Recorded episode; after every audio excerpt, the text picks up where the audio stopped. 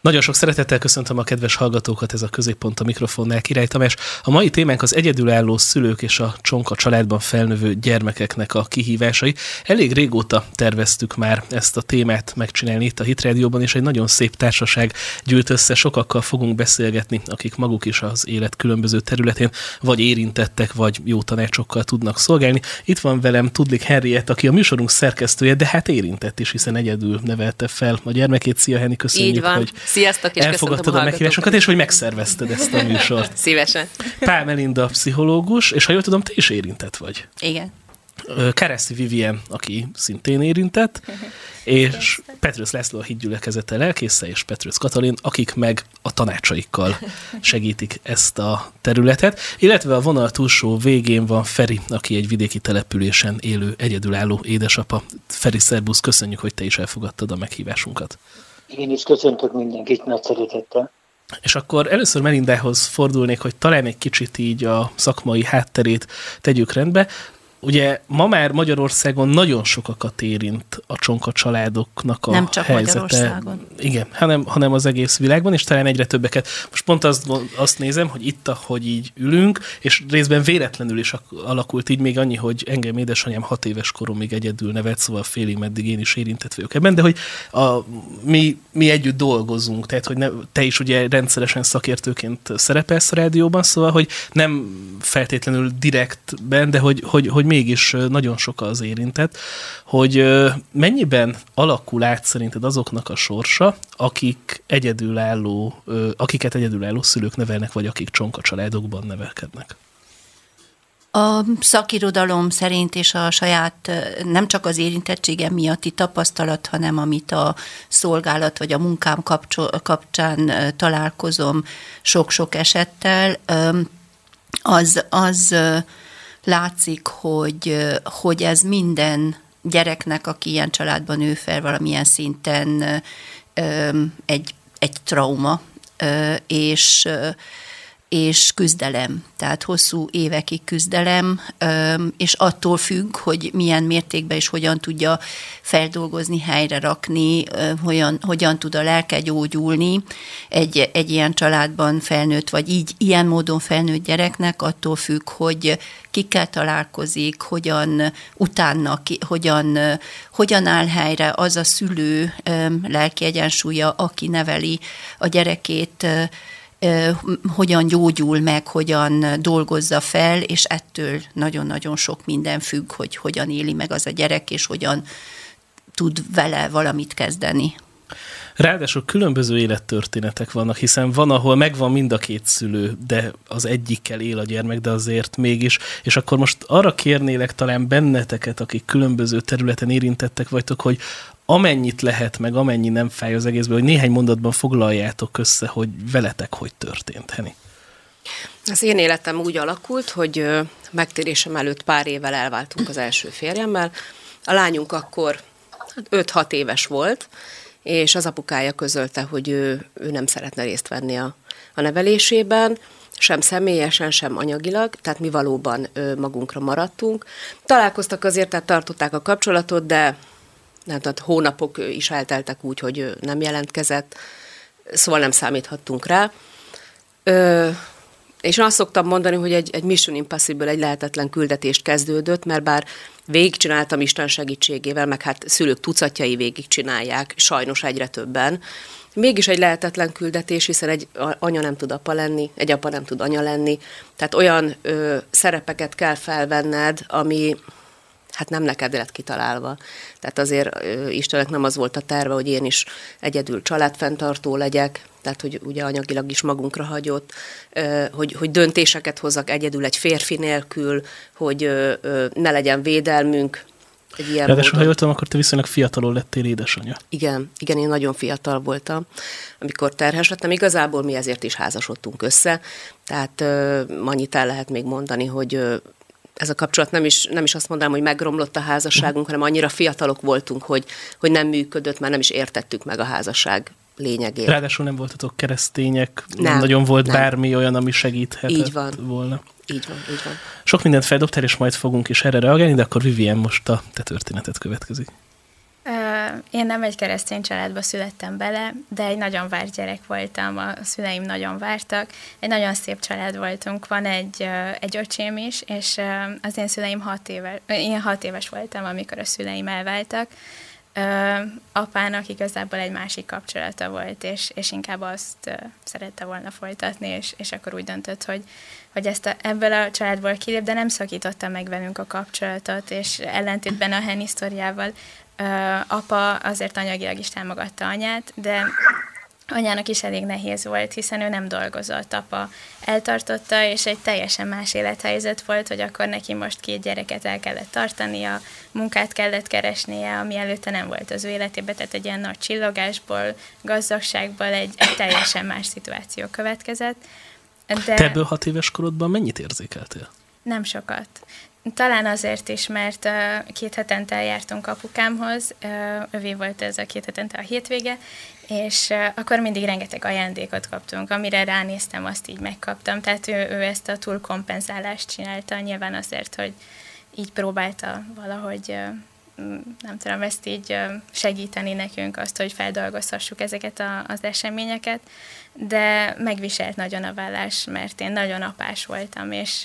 De tudtad, hogy mi történik? Nem nagyon nem nagyon, mert nekem apa volt, mint minden gyereknek szerintem egy ilyen szuperhős, tehát én így néztem fel rá, és, és emlékszem rá, amikor elmondta, kocsiba voltunk, és arra is emlékszem, hogy hol mentünk, milyen zene szólt, mindent tudok, amikor elmondta, hogy ő, ő el fog költözni, és azért, mert megismerkedett valakivel, stb. Tehát egyszerűen így belémégtek, azt is tudom, De akkor ezt neked így azért pontosan. őszintén elmondták, hogy mi történt. Igen, őszintén elmondták, igen. Igen. Talán ez is segítette a, a feldolgozást, de, de mindent megpróbáltak megtenni azért, hogy ne sérüljünk annyira. Azt láttam. És ami szerintem nagyon sokat segített, hogy nekem apukám sose beszélt így rosszul az anyukámról, se anya a apáról, tehát nem mondta, hogy nem, nem hagyta, hogy ez a kép így összeomoljon bennem, ez a szuperhős kép, ami, ami úgy apáról az én fejemben élt, hanem, hanem ugyanúgy pozitív dolgokat mondott, és hagyta, hogy majd később én jöjjek rá, hogy, hogy mi volt ez. De ő, ő nem akarta a saját fájdalmát így, így rányomni a mi gyerekkorunkra, és szerintem ez nagyon sokat segített. Az, hogy hétvégi apukád volt gyakorlatilag, az a későbbiekben mennyiben éreztette veled azt, hogy te egy más jellegű, más dinamikájú családban élsz, mint mondjuk az egy normális esetben történik? Hát azért éreztem nagyon, főleg amikor jól funkcionáló családokat láttam, akiknél együtt vannak a szülők, akkor, akkor ez úgy megérintett nagyon, meg nyilván apával nem egy olyan kapcsolatom alakult ki, ami kellett volna talán lennie, mert ő csak hétvégente volt az életemben, tehát a mindennapjaimban ő nem volt benne. Ez, ez később kezdett el kialakulni Uh, ahogy hozták az élethelyzetek, amikor például helyt kellett állnia nagyon apaként, akkor beleállt azokba a feladatokba, és valahogy ez hozta vissza azt a jó kapcsolatot. Meg, meg most a Covid például ez egy, egy, egy olyan helyzet, amikor úgy nagyon összezárt a család, és akkor uh, erősödött vele a kapcsolatom. Köszönjük szépen, és akkor most Feri, te következel. Hát az én sorsomban annyi érdekesség van, hogy én jól éreztem magam a házasságban, és észre vettem a problémákat, ha bár volt egy krízisünk, de az, azt gondoltam, hogy túltettük magunkat, és villámcsapásként ért a bejelentés, hogy akkor elköltözik a volt feleségem. Héten nem is tudtam hova tenni a dolgot. A gyerekeknek az eleje az egyetemista volt, a vége az még általános iskolás, és akkor így maradtunk ötözbe. Megdöbbentél, amikor ez elhangzott, hogy akkor itt van a vége Nem a történetnek? Uh-huh. Nem hittem el. Amikor... Hát az, az az én problémám, bocsáss meg, hogy én ebből úgy nagyon nem vettem észre semmit, hát én vigyan éltem az életemet, és uh-huh. jól éreztem magam. És amikor az ember egy ilyen helyzettel szembesül, és ha jól értem, akkor neked vannak gyermekeid is, Igen. akkor, akkor arra hogyan reagál? Tehát, hogy egyáltalán van idő érzelmileg feldolgozni, vagy arra kell koncentrálni, hogy mi lesz holnap a gyerekekkel? Hát, mindenféleképpen érzelmileg fel kell dolgozni, ami nekem egy ilyen másfél-két éven betellett. Hm. és hát volt segítség, tehát nekem a elsősorban a szüleim azok uh-huh. nagyon sokat segítettek. Egyrészt az, hogy meghallgattak, hát meg tehát azokat a tevékenységeket, amit egy anyuka végez, azt, azt nekem meg kellett tanulni. Nálad maradtak a gyerekek? Igen. Hány gyermeked van? Négy. Hűha. Akkor az, az azért az elég kemény feladat lehetett egyik napról a másikra. Megbírkoztunk vele. Vagy gondolom, addig is részt vettél a gyermekeknek az ellátásában, csak amikor egyik napról a másikra magatokra maradtuk, akkor azért az mégis egy más helyzet, nem? Persze, tehát mondjuk tanulásban aktívan részt vettem, de hát, hogy megbocsánkoztassam a hölgyeket, tehát fogalmam nem volt mondjuk egy ágyneműtött. Hat hónapon kint kell leszerélni, vagy hetente. én alapvető dolgokkal nem voltam tisztában. Hm. És mennyire volt könnyű belerázódni ebbe a helyzetbe? Tehát a, mert azért és pont itt most utalnék, a Kati nemrég készített egy műsort arról, ugye egy vita volt a vállás kapcsán, hogy akkor most az édesapáknál vagy az édesanyáknál helyezzék el a gyermekeket, és persze logikusan az adódik, hogy az édesanyánál jobb helye van a gyermeknek, de azért ez sok esetben meg nincs így. De valahogy az édesanyák azért mégiscsak a háztartási dolgokat jobb esetben általában jobban szokták csinálni. Szóval mennyire lehet ezeket a dolgokat megtanulni, hogy hirtelen akkor egy apuká, ugye a Henny az előbb elmondta, hogy onnantól egy anyukának apukának is kell lennie, de nyilván ez gondolom fordítva van, tehát egy apukának is el kell látni azokat a feladatokat is, amit egy édesanyja ellát. Mindenféleképpen. Hát mondjuk én nem tudok főzni, tudok csinálni, de egy hét alatt utáltál neked. De hát egy csomó mindent menet közben meg kellett tanulnom, és az a funkció, amit egy anyai funkció, hát az mondjuk nehéz volt, mert 13 éves volt a legkisebb, de van egy nővére, akit segítségül hívtam, hogy ilyen olyan témák merültek föl, és akkor ő kisegített. Tehát akkor azért a család az összezárt mögötted? Teljes mértékben, mai napig. Az mennyire volt kérdés, hogy kinél lesznek a gyermekek, vagy az mi alapján dőlt el? Hát a mi esetünkben ö, nem kellett harcolnom a gyerekekért, mm. tehát és hogyha... Örömmel vállaltam. De akkor, akkor ez, ez neked nem is volt kérdés, hogy te szeretnéd ellátni a gyermekek felügyeleti jogát?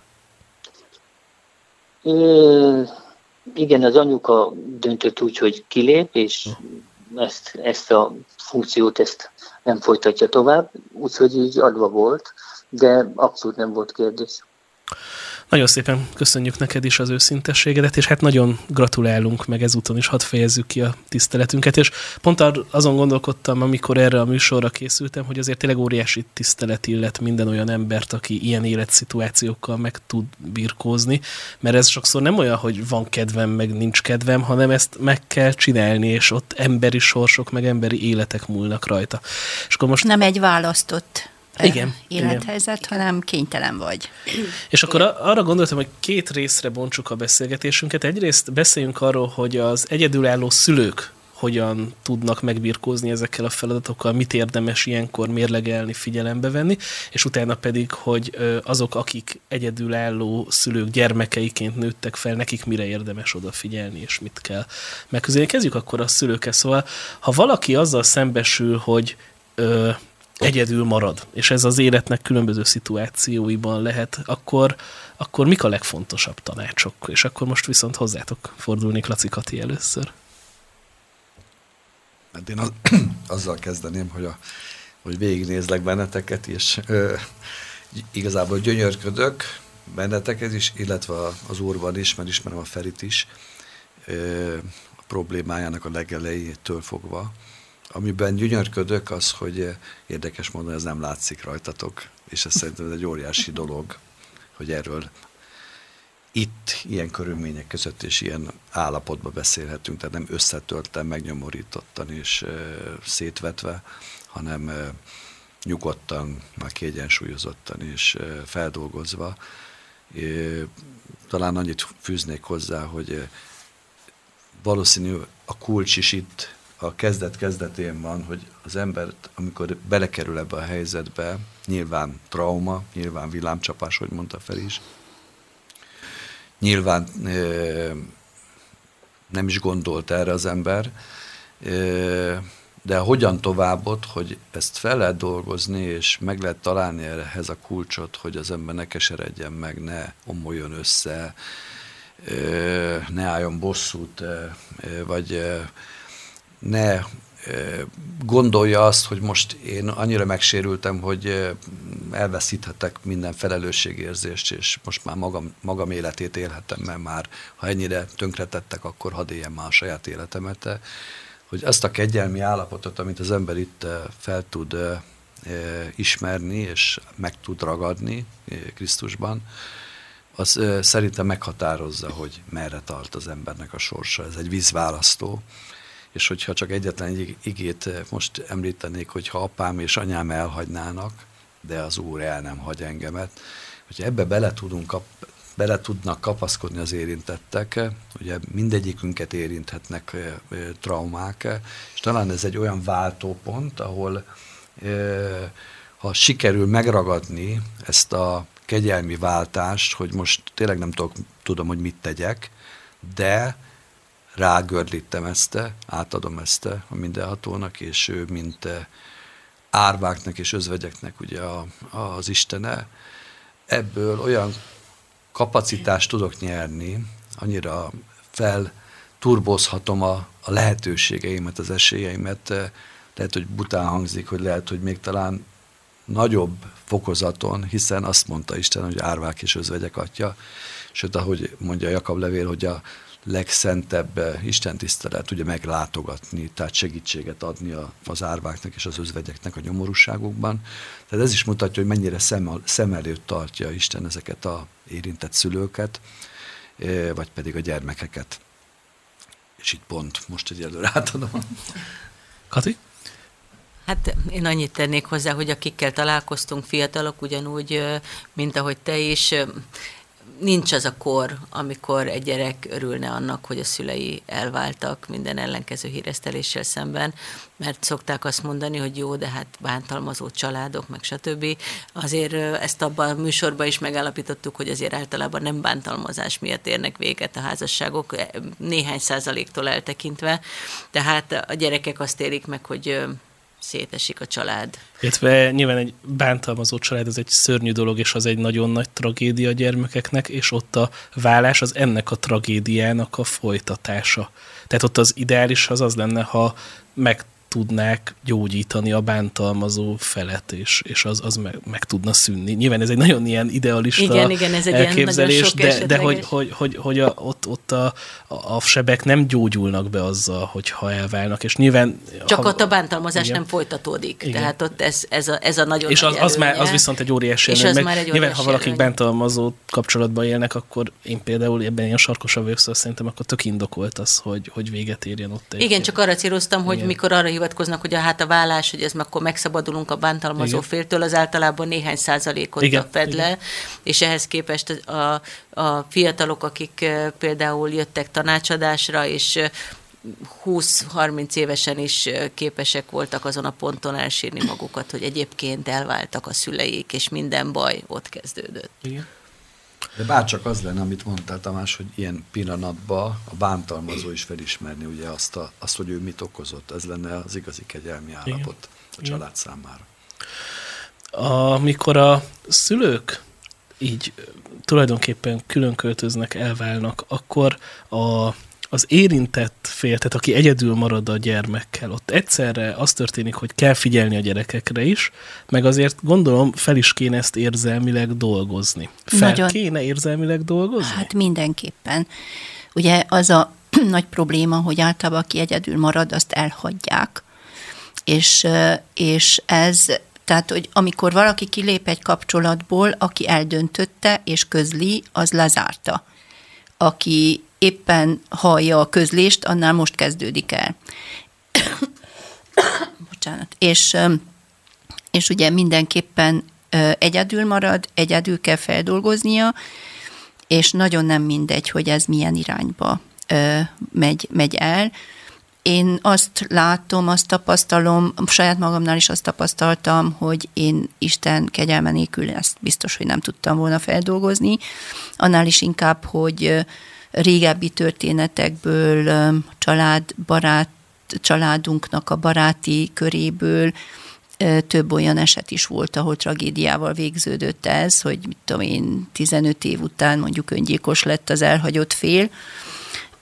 Tehát, hogy ez egy óriási trauma, és ugye a gyerekek meg, meg hirtelen ebbe, ebbe cseppennek bele, hogy az a fél, aki egyedül maradt, ez pillanatnyilag a mi társadalmunkban inkább az anyák, uh-huh. Nagy többségében.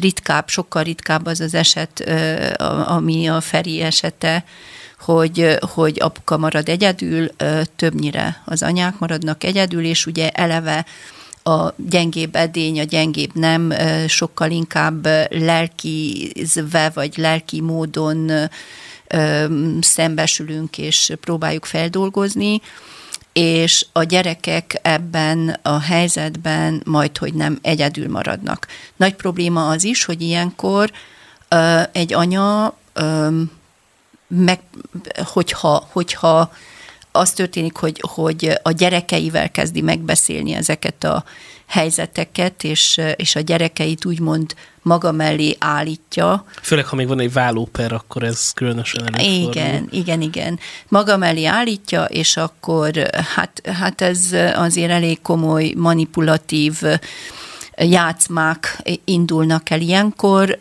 akarva, akaratlanul, tudatosan, nem tudatosan, de hogy az a lényeg, hogy ahol a gyerekek be vannak vonva, az mindenképpen nagyon-nagyon káros, még tovább rontja a helyzetet.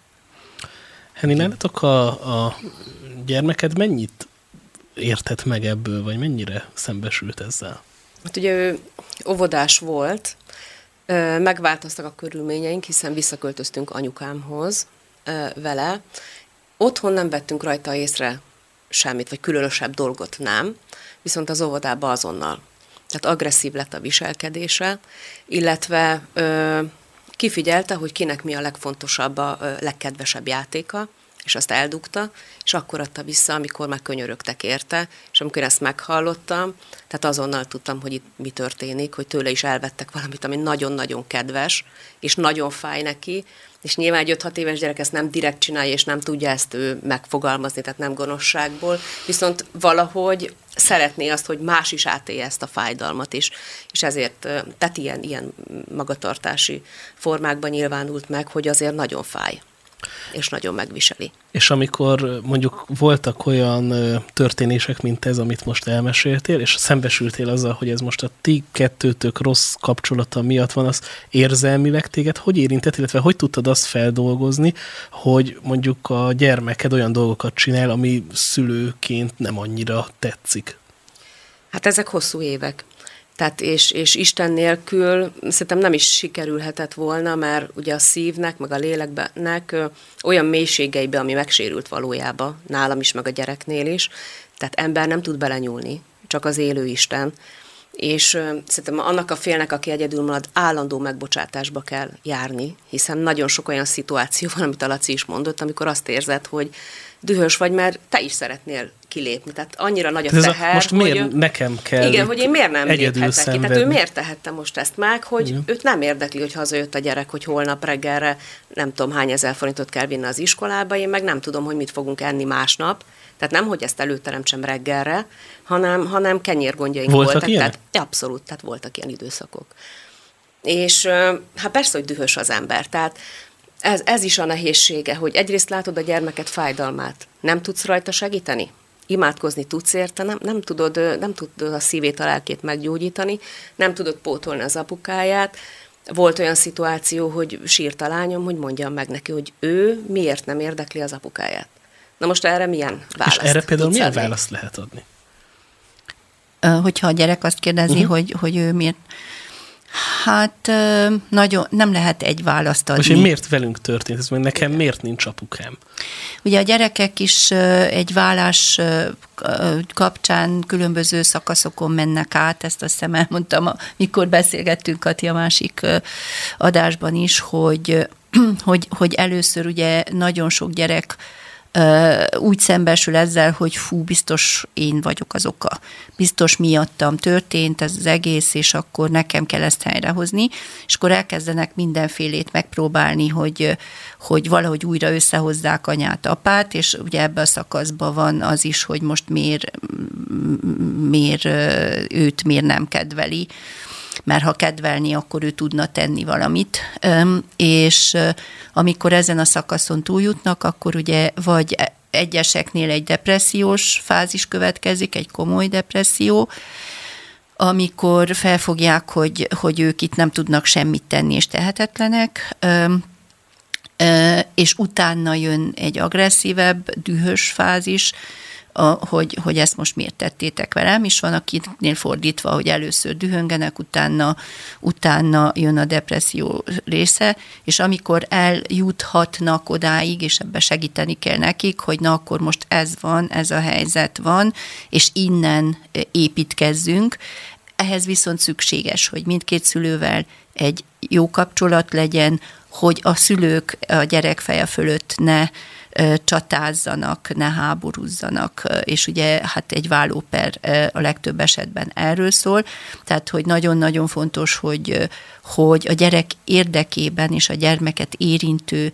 dolgokban egy, egy új bizalmat kell felépíteni, és egy új egységet valamilyen módon, mert ugye sok gyerek megfogalmazza, hogy, hogy nekem nem apa hiányzik, mert tudom, hogy ott van és szeret engem, nem anya hiányzik, mert tudom, hogy ott van és szeret engem, hanem ők hiányoznak, ketten hiányoznak. Tehát az az egység, amiből az a gyermek született, az hiányzik a legtöbb gyereknek, és azt nem bírja nem bírja összerakni, nem is tudhatja összerakni. És ugye szülőként is, tehát ugye kérdezted azt is, hogy hogy lehet uh-huh. ezeket feldolgozni, tehát ezek évek, hogy az önvádlás, ugye ameddig azt Isten leveszi rólad, hogy most már menj tovább, tehát bocsáss meg magadnak is, hogy te, hogy te is részese vagy annak, hogy egy embernek ezt okoztad, hogy egy saját gyermekednek ezt okoztad, nagyon nehéz. És szerintem Isten nélkül az is nagyon nehéz, amit mondtatok, hogy ne szidalmazd a másikat, amit uh-huh. neked is a szüleid meg tudtak tenni. Tehát ne mondj rosszat a, az apukájáról, vagy Ferinél mondjuk az anyukájáról, mert a gyereknek az fáj, mert nekem nem ment mindig, tehát voltak olyan szituációk, amik pont a dű miatt, ugye az ember mondott olyat, amit nem kellett volna, és akkor a gyerek elkezdett csinálni, hogy de neki az apukája. És akkor elszégyeltem magam, hogy igen, neki az apukája. Ugye ez akkor nehezebb, ha ilyen láthatási idő van, és akkor sztereóba szidják egymást mind a két oldalon. Igen, és, és a gyerek igen. meg nem mer szólni semmit, mert hogyha az anyjánál azt mondja, hogy jól telt apánál, akkor anya összeomlik, ha meg apánál mondja, hogy jaj, de jó anyával, akkor, akkor a, apa lesz dühös, és akkor a gyereknek középen lavírozni kell valahogyan, hogy, hogy egybe tudjon maradni, és az óriási teher. És beszélünk itt mondjuk sok esetben négy-öt éves gyerekekről, Így tehát van. nem kifejlett személyiségű gyerekekről, hanem akik még abszolút úton vannak. Én 40 éves emberrel is találkoztam súlyos depresszió állapotában, aki nem dolgozta fel a szülei vállását, hat évesen váltak el a szülei, és 40 34 évesen. év telt el is. Igen, és, és súlyos depresszió, aminek a, a háta mögött ez, ez volt. Feri, a te gyermekeid mennyire tudták feldolgozni a történteket?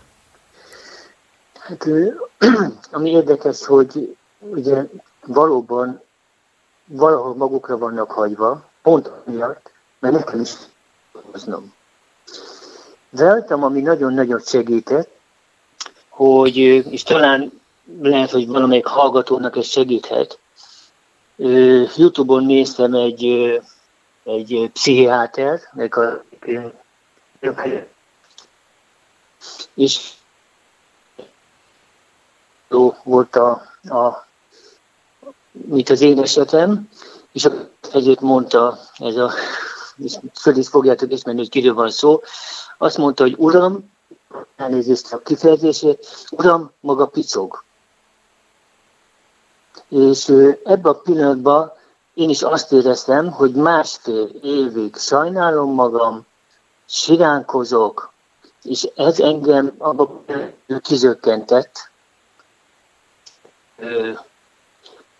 túl tudtam magam tenni magam ezen a problémán, hogy nem egy vádlásba, nem saját magamat marcangoltam, nem sajnáltattam magam, nem panaszkodtam a félvilágnak, és én ezzel leálltam.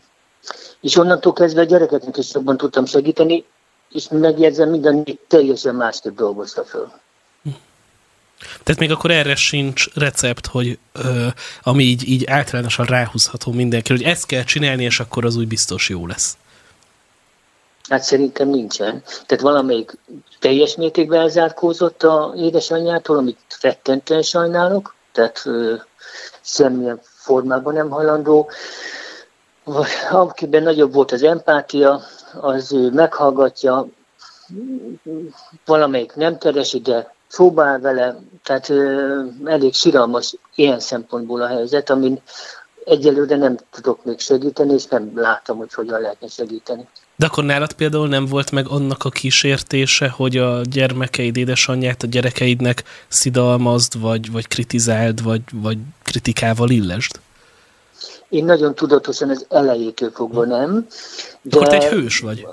Nem, nem, nem, nem, nem, nem, nem, nem, mert én is átmentem a dühön, de én azt gondolom, bár csak egy tapasztalatom van szerencsére, de azt gondolom, hogy a dű után ő, el fog jönni mindenkinek az idő, az az időszak, hogy egyszerűen meg sajnálja. Én most ott tartok, hogy szurkolok, hogy fölálljon és rendezze az életét, és boldog legyen, mert akkor tudnék én is teljes mértékben megszabadulni és felszabadulni. Hm.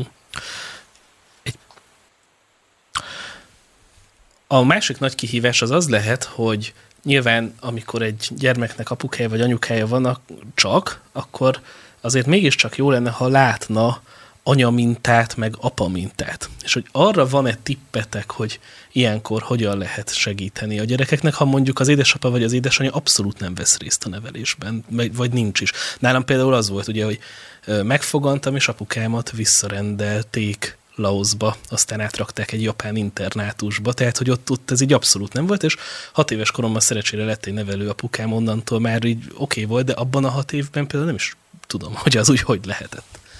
Biztos sokat jelentett, nem ilyen helyzetben esetleg baráti kör, vagy pedig eh, rokoni körnél, hogy valaki pót apaként, vagy pót mamaként, nem? Tehát barátnőként, vagy barátként.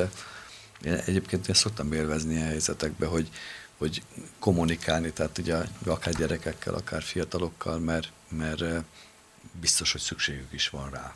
Nagy szükségük van, tanulmányok igazolják azt, hogy ha, ha van egy hát nem pót, mert nem, nem lehet pót, de, de mégis mondjuk egy apa hiányában van egy férfi, mondjuk egy nagypapa akár, aki ott van a család mellett, egy nagybácsi, vagy, vagy családnak a barát, baráti köréből, bár ez sokszor nagyon nehéz, mert általában amikor szét, szét válik egy család, akkor, akkor a baráti kör is, kör is szétválik. szétválik, illetve nem foglalnak állást az elején, és ezért sok esetben baráti kör részéről is viszonylag egyedül tud maradni egy ilyen család viszont, viszont maga, tehát hogy a szélesebb körű családban lehet ilyen, de, de nagyon jó lehetőség erre akár a gyülekezet, mert, mert ott ugye együtt van, hát nem covidos időszakban, amikor be van zárva a gyülekezet, de, de amikor össze tudunk gyűlni, akkor azért van annak esélye, hogy hogy lát épp családokat az a gyerek, sőt barátai által bekerül ilyen családokkal vannak. Vannak olyan családok, akik kimondottan felkarolnak egyedülálló szülőket, például az én lányomék meghívnak, mint karácsonykor mindig két-három egyedül nevelő anyukát meghívnak karácsonykor magukhoz. Tehát, vagy van, vannak ilyen, ezek igaz, hogy nem az egyházon belül, de, de vannak ilyen kezdeményezések, hogy ha mit tudom én, egy szeget kell beverni, vagy valamit javítani kell, akkor, akkor meg lehet szólítani egy csoporton belül férfiakat, hogy segítsenek. Tehát, hogy nagyon-nagyon Japánban szükség. még rokonokat is lehet bérelni. Ja. Igen, nagyon, nagyon fontos az, hogy, hogy, legy, hogy lásson mintákat az a gyerek. Persze nem pótolja, és nem helyettesíti, de mégis, mégis lát egészséges mintákat, és ezek a tanulmányok azt igazolják, hogy, hogy azok a gyerekek gyorsabban, könnyebben képesek feldolgozni, illetve nem torzul a, a személyiségük olyan mértékben, mint a, ilyen mértékben azoké, akiknek ebben nincs része, vagy ahol a, az elhagyott szülő nem engedi, nem hagyja, ugye erről is azért szót kell ejteni, hogy, hogy ott a játszmáknak nagy szerepe van, sajnos. Ez itt nagyon szépen hangzik, csak hozzátok fordulok, hogy ugye, ilyen, tehát, hogy ez a gyakorlatban is működik? Tehát, hogy nem cikis segítséget kérni, vagy aki éppen egy ilyenbe van, az, az mennyire mer egyáltalán nyitni kifelé? A gyakorlatban ritkábban működik ennyire. Jól, és hát nőként én azt mondom, még, még a nehézségekhez, hogy amit Melinda mondott, ha be kell verni egy szeget, ha defektet kapsz az autóval, ha otthon elromlik valami, és a mi esetünkben, majd a végére tartogatom a jó bizonyságot, azt most nem lövöm le, hogy azért a vége jó. Legalább végignézik ezt az Tehát most, most a, arról a szakaszról beszéltünk, ami nagyon nehéz volt, és a vége majd jó lesz. Tehát azért sokszor nincs segítség, sokszor az van, hogy például én nem voltam annyira szerencsés, hogy lett volna mondjuk apa vagy nagyapa, tehát én halmozottan hátrányos helyzetből hozott ki az úr, de azért Isten meg mindig megsegített. Tehát valahogy volt, hogy a szomszéd segített, vagy valahogy, valahogy mindig ö, alakultak a dolgok. Sőt, azt kell, hogy mondjam, hogy azért ö, ezek ellenére, amiről most beszélünk, nehézségeket, mégse cserélném el így utólag, mert Istennel meg kialakult egy olyan személyes, egy nagyon mély, olyan bizalmi kapcsolatom, és olyan bizonyságaink vannak így az életünkben, hogy ö, ezt meg nem adnám semmiért. Szóval azért az úr mindig ott volt, még hogyha mondjuk emberek nem is, nem is mindig segítettek. Hát talán pont itt van a válasza, hogy hogy lehet a megoldást megtalálni. Tehát, hogy valahogy abban a pillanatban biztos, hogy Isten reagál, mert ugye például tudjuk Abszolút. Hágárnál is, ugye amikor el lett küldve, el lett utasítva, akkor ugye ott megjelen neki a, az úr, vagy egy angyal, de mindenképpen már volt neki üzenete. Tehát hogy ezt a hívó szóhoz, hogy tudjon az ember kapcsolódni, és le tudja szelidíteni a lelkét, és az, ami egyébként teljesen jogos sérelem, az valahogy ne tudjon dominálni, ne legyen önsajnálat ne belőle. Legyen önsajnálat, Igen. vagy keserűség, vagy amiről beszéltünk, bosszúság, vagy sértettség, hiszen a Feri példája is mutatja, hogy a gyereknek meg, nyuga, meg, meg valami kisugárzásra van szüksége, hogy eh, ő ebből, ha lehet, ne érezze semmit uh-huh. se, hogy te is Igen. mondtad ezt, hanem azt érezze, hogy eh, szeretett lény, hogy ő a legfontosabb, vagy ők a legfontosabbak, a apa, ugye a Feri esetében az apa, életében, és ugye ehhez a léleknek hát teljesen le kell tisztulnia minden olyan keserűségből vagy sértettségből, hogy a megbocsátás által, ahogy mondta Igen. te is, Eni, hogy, hogy fel legyen úgy dolgozva, hogy, hogy és ehhez kell szerintem ez az isteni hívás, mert hogy ezt a kegyelmet csak Istentől Abszolút. tudjuk megkapni egy ilyen helyzetben, hogy a sérelmek ellenére valahogy annyira szeretett lényé tudunk változni mi is, és ezt tudjuk átadni a, ebben az esetben a, a gyermekeknek, amiből ők tudnak növekedni. Ugye, ahogy mondja is a, a Jakab levél, hogy mint a szántóvető, hogy, hogy ugye a béketűréssel várja, még reggeli esti esőt kap ugye a föld, hogy fel tudjon növekedni, és ki tudjon bontakozni, és ki tudjon virágozni azt, amit Isten ígért, mint vigasztalást ebbe a helyzetbe. Így és van. ő ezt meg is akarja adni, tehát tényleg, ha hozzáfordulunk tiszta szívvel is, nem, nem akar az ember a saját igazságához ragaszkodni, mert ugye ez egy nagyon nagy valós sérelmek vannak, de ha ezt, ezt az úrba le tudja az ember tenni, hogy akkor nem ragaszkodom a saját igazságomhoz, meg jóvátételhez, meg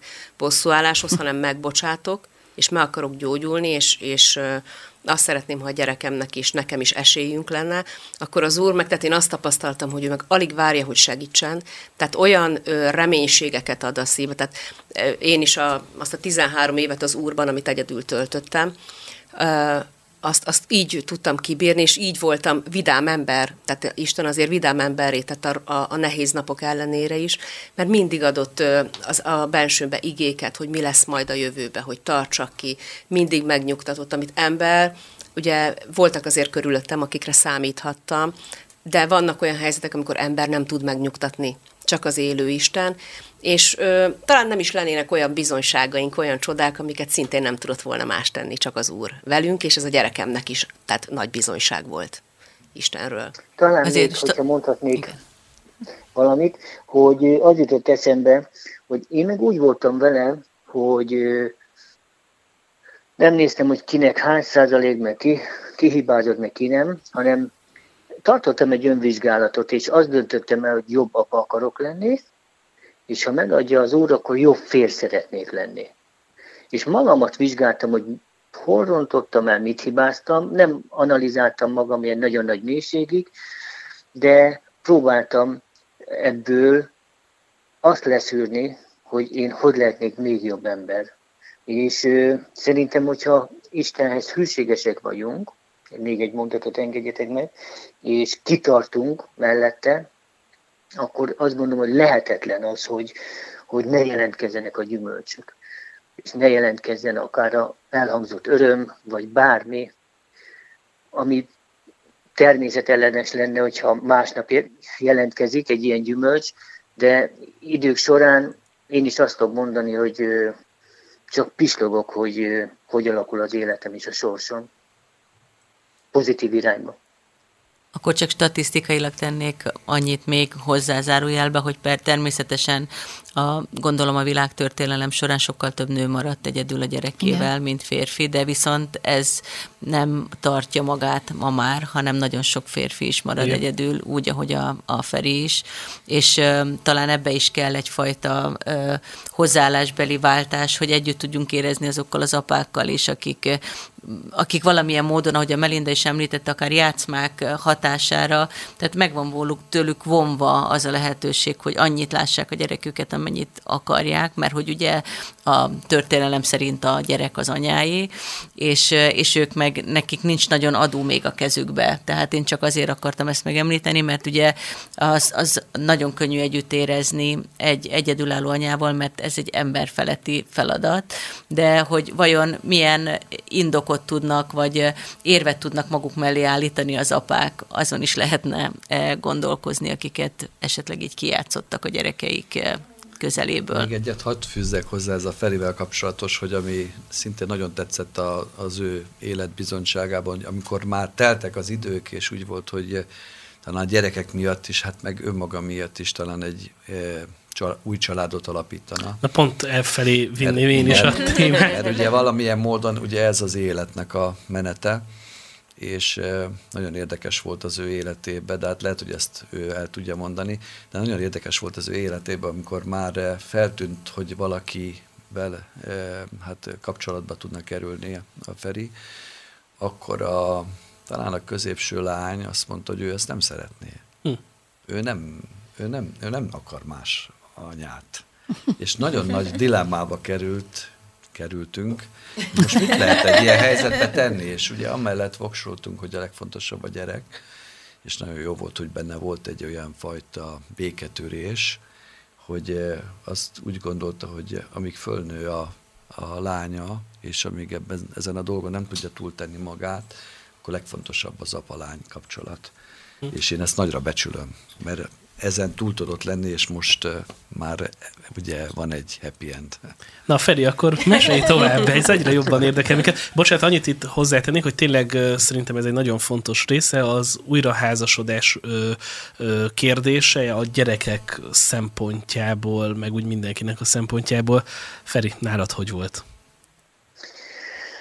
Hogy oldjam a saját feszültségemet.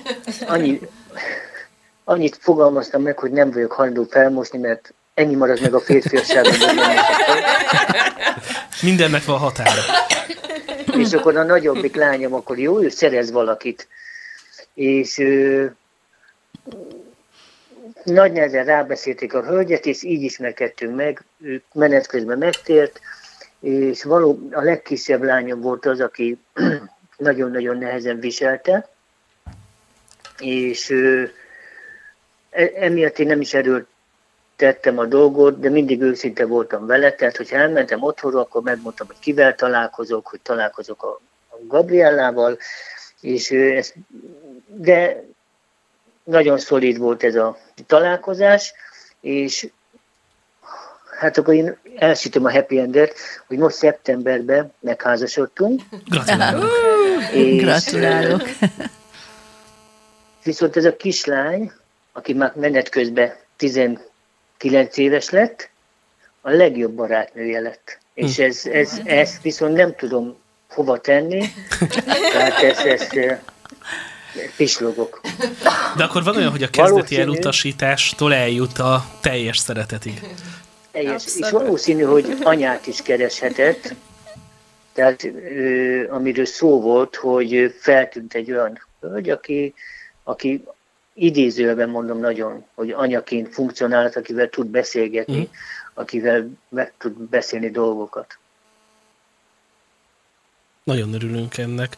Hogy látjátok, tehát hogy akkor egyrészt Melinda hozzád fordulok, hogy amikor ez az újraházasodás kérdése szóba kerül, akkor ezt meg kell -e például beszélni a gyerekkel, és mi a teendő akkor, ha a gyerek mondjuk elsőre teljes elutasítással reagál? Hát nagyon nagy érzékenységgel és odafigyeléssel érdemes ezt megközelíteni, hogyha van egy őszinteség, ugye minden kapcsolatnak az alapja bizalom, és ezt a bizalmat kell ö, kiépíteni abba a gyerekben, mert ö, nyilván neki, ö, tehát hogy a két szülőjével az a jó, hogyha valamilyen kapcsolatot Ö, tehát az a szülő is, aki el, elment mondjuk, azzal is kapcsolatot tud fenntartani, és kapcsolatot tud építeni, viszont, és, és akkor belépik egy, egy, egy harmadik személy, vagy akár egy negyedik személy, akiket mind el kell helyezni ebben a mozaik családnak nevezi a szakirodalom, meg így, így szoktuk emlegetni, és, és ez nem, nem egy egyszerű feladat. Tehát egy újabb kapcsolatot kell kiépíteni, és ugye a bizalom a legfontosabb, tehát hogy a, a felnőtteknek, mivel ők az erősebbek, kell ezt nagyon érzékenyen kezelni, kell segíteni annak a gyereknek, és türelemmel, hosszú tűréssel, szeretetben kell szépen a gyereket elvezetni odáig, hogy, hogy el tudja fogadni. Van még más happy end is?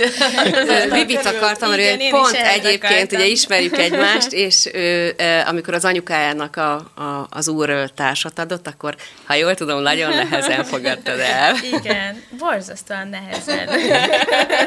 Én nem könnyítettem meg a dolgát, az, az biztos, mert ugye megszoktam azt, hogy mi vagyunk anya, én meg a tesóm, így hárman, és öt évig volt anyukám egyedülálló, és utána ugye udvarolni kezdett neki a, a most már férje, nem tudom, már több mint tíz éve, szóval már elég régóta, és én már az első perctől kezdve ezt nem akartam, és, és nem igazán tudtam. Fura őt- volt anyukádat ebben a szituációban Abszolút, látni? igen. Igen, annyira sokat nem láttam őket randizni, uh-huh. vagy, vagy ilyenek, inkább csak az, hogy tudtam, hogy belép egy, egy másik személy, és már anyának a figyelme ugye nem csak ránk, nem, nem csak ránk figyelt anya, hanem egy másik személyre is, és én ezt nem akartam. Emlékszem, amikor ők sétáltak, és akkor én is ott voltam velük, akkor mindig így beálltam közéjük, és így toltam el anyát. És azt nem mesélték, hogy ez milyen érzés volt nekik?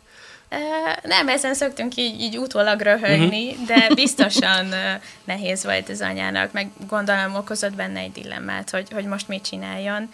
Uh, és uh, hát ugye utána ők összeházasodtak, és még akkor se tudtam őt elfogadni. Tehát már házasok voltak, és emlékszem az első reggelin, megkérdeztem, hogy ő mit keres itt, és így rámutattam Csabára.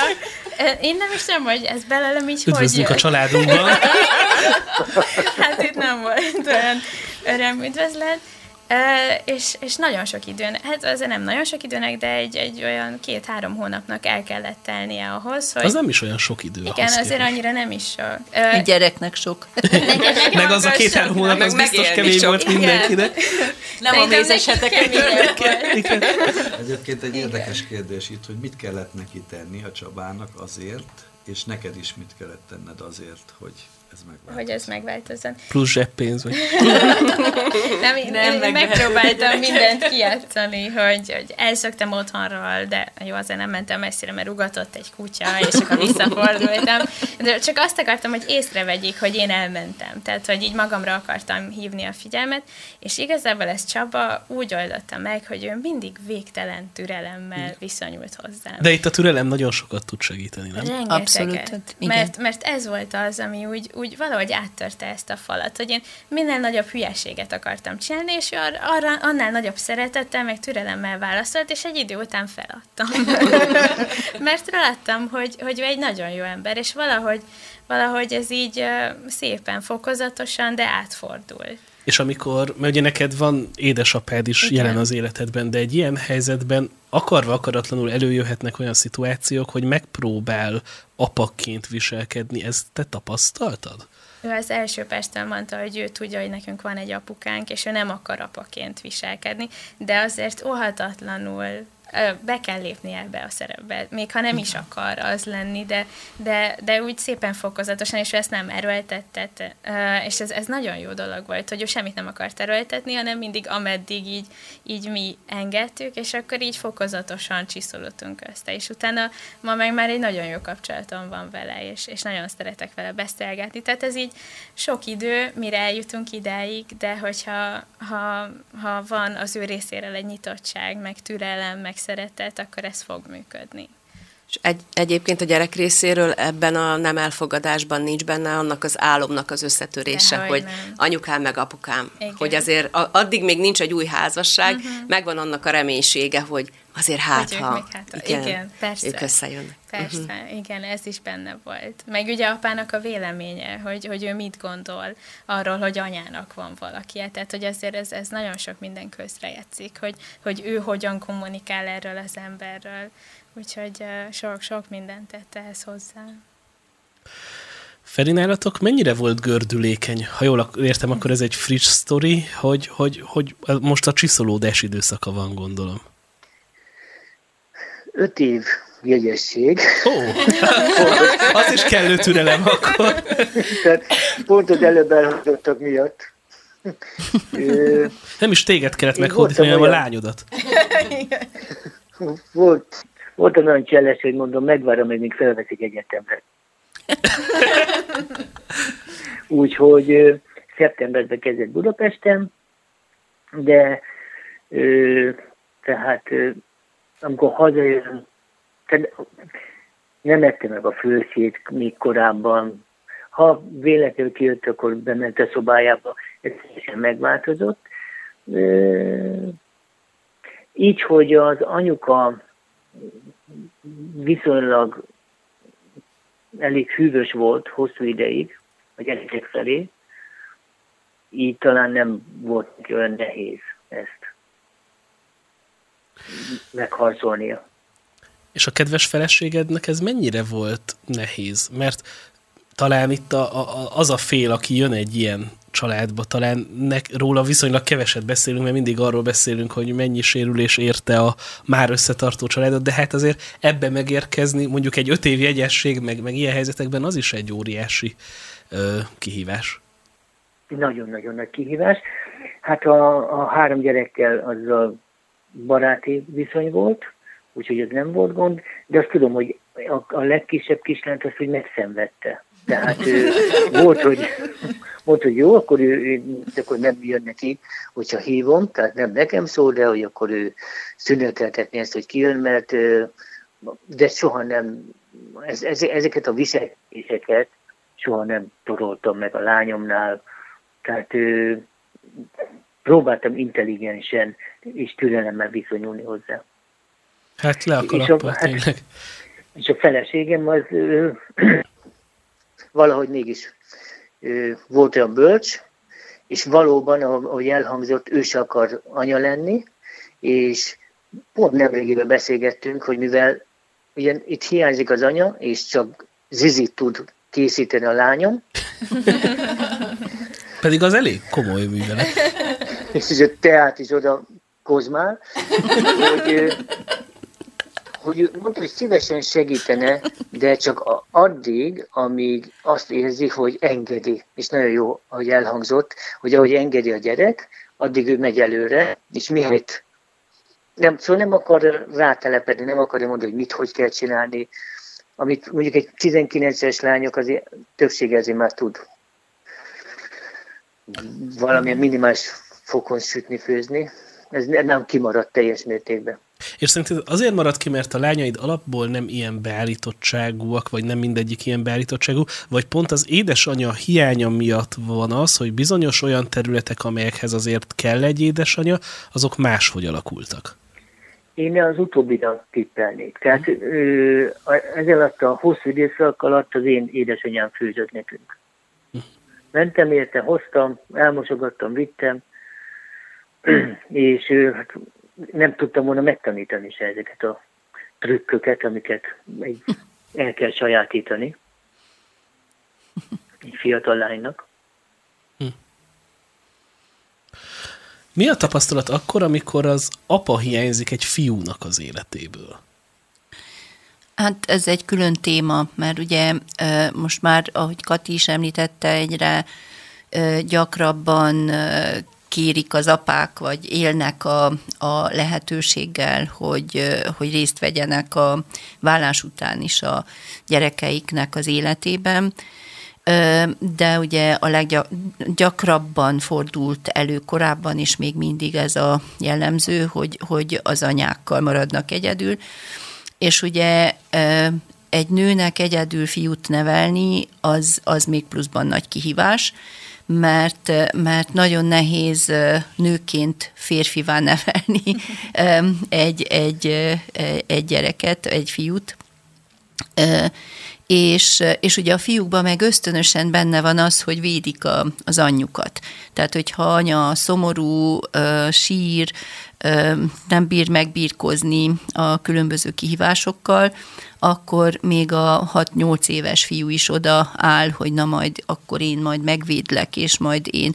És, és ez, ez tök komoly, most, mert arra én vissza tudok emlékezni, hogyha anyukám sírt, az engem mennyire megviselt kicsi Igen. koromban, és hogy, hogy a mai napig, tehát így belegondolok, és szörnyű. Pedig igen. lehet, hogy már ő rég túl van rajta, de hogy ez nem jó érzés. Nagyon, igen, és a fiúknak ez még nehezebb, mert, mert ugye ez ösztönösen védik a, a, az anyjukat, vagy a, a, a, a később a feleségüket, és, és így a kezükbe akarják venni. Tehát, hogy olyan terheket vesznek magukra, ami aztán végképp nem, gyermeknek való, és ugye ezért kell nagyon észnél lenni az egyedül nevelő anyukának, mert, mert olyan, olyan nehéz sorsot diktál a gyerekének, amivel aztán később nagyon súlyos következményei lehetnek ezeknek a dolgoknak. Függés? És, és, Mire gondolsz? Ilyen függés? Tehát ilyen uh, igen, akár. Erős függés? Erős függés. Például ugye eleve a pubertáskorban kezdődik az el, hogy próbálnak önáll, vagyis hát elkezdenek önállósodni a gyerekek, és saját, vagy a fiatalok, hogy nehogy megsértsek valakit, döntéseket hozni, tehát próbálnak leválni a szülőkről, és, és hát ugye egy egészséges, jó családban egy bizonyos határig engedik ezt a szabadságot a gyerekeknek. Amit addig vetettünk, ugye, az, az ha jó volt, akkor már lehet őket egy kicsit szabad, szabadon engedni, hogy hozzanak döntéseket, még akkor is, hogyha néha fal, falba ütköznek, de ugye az ilyen helyzetekben gyakran előfordul, hogy, hogy nehezen engedik ki a tekintélyük alól a, a fiatalokat, amikor már felnőttek akkor is.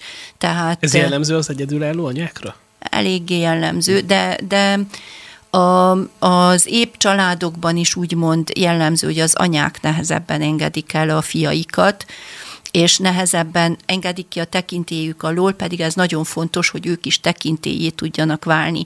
És ugye ez a, a, a nevelésben, amikor, amikor egy anya fiút nevel, úgymond, erre nagyon-nagyon nagy hangsúlyt kell, és figyelmet kell, és segítséget kell kérni sok esetben, tehát nem tudja megoldani egy anya. És ugye a társadalom, tehát például az oktatásban is főleg nők veszik körül, Igen. főleg a pedagógus társadalomnak legalábbis itt még Magyarországon sokkal nagyobb hányada hölgy, és, és akkor egy, egy, egy srácnak ez még, még nehezebb. Ugye azt egy, egy nőnek más a, a a rend értelmezése.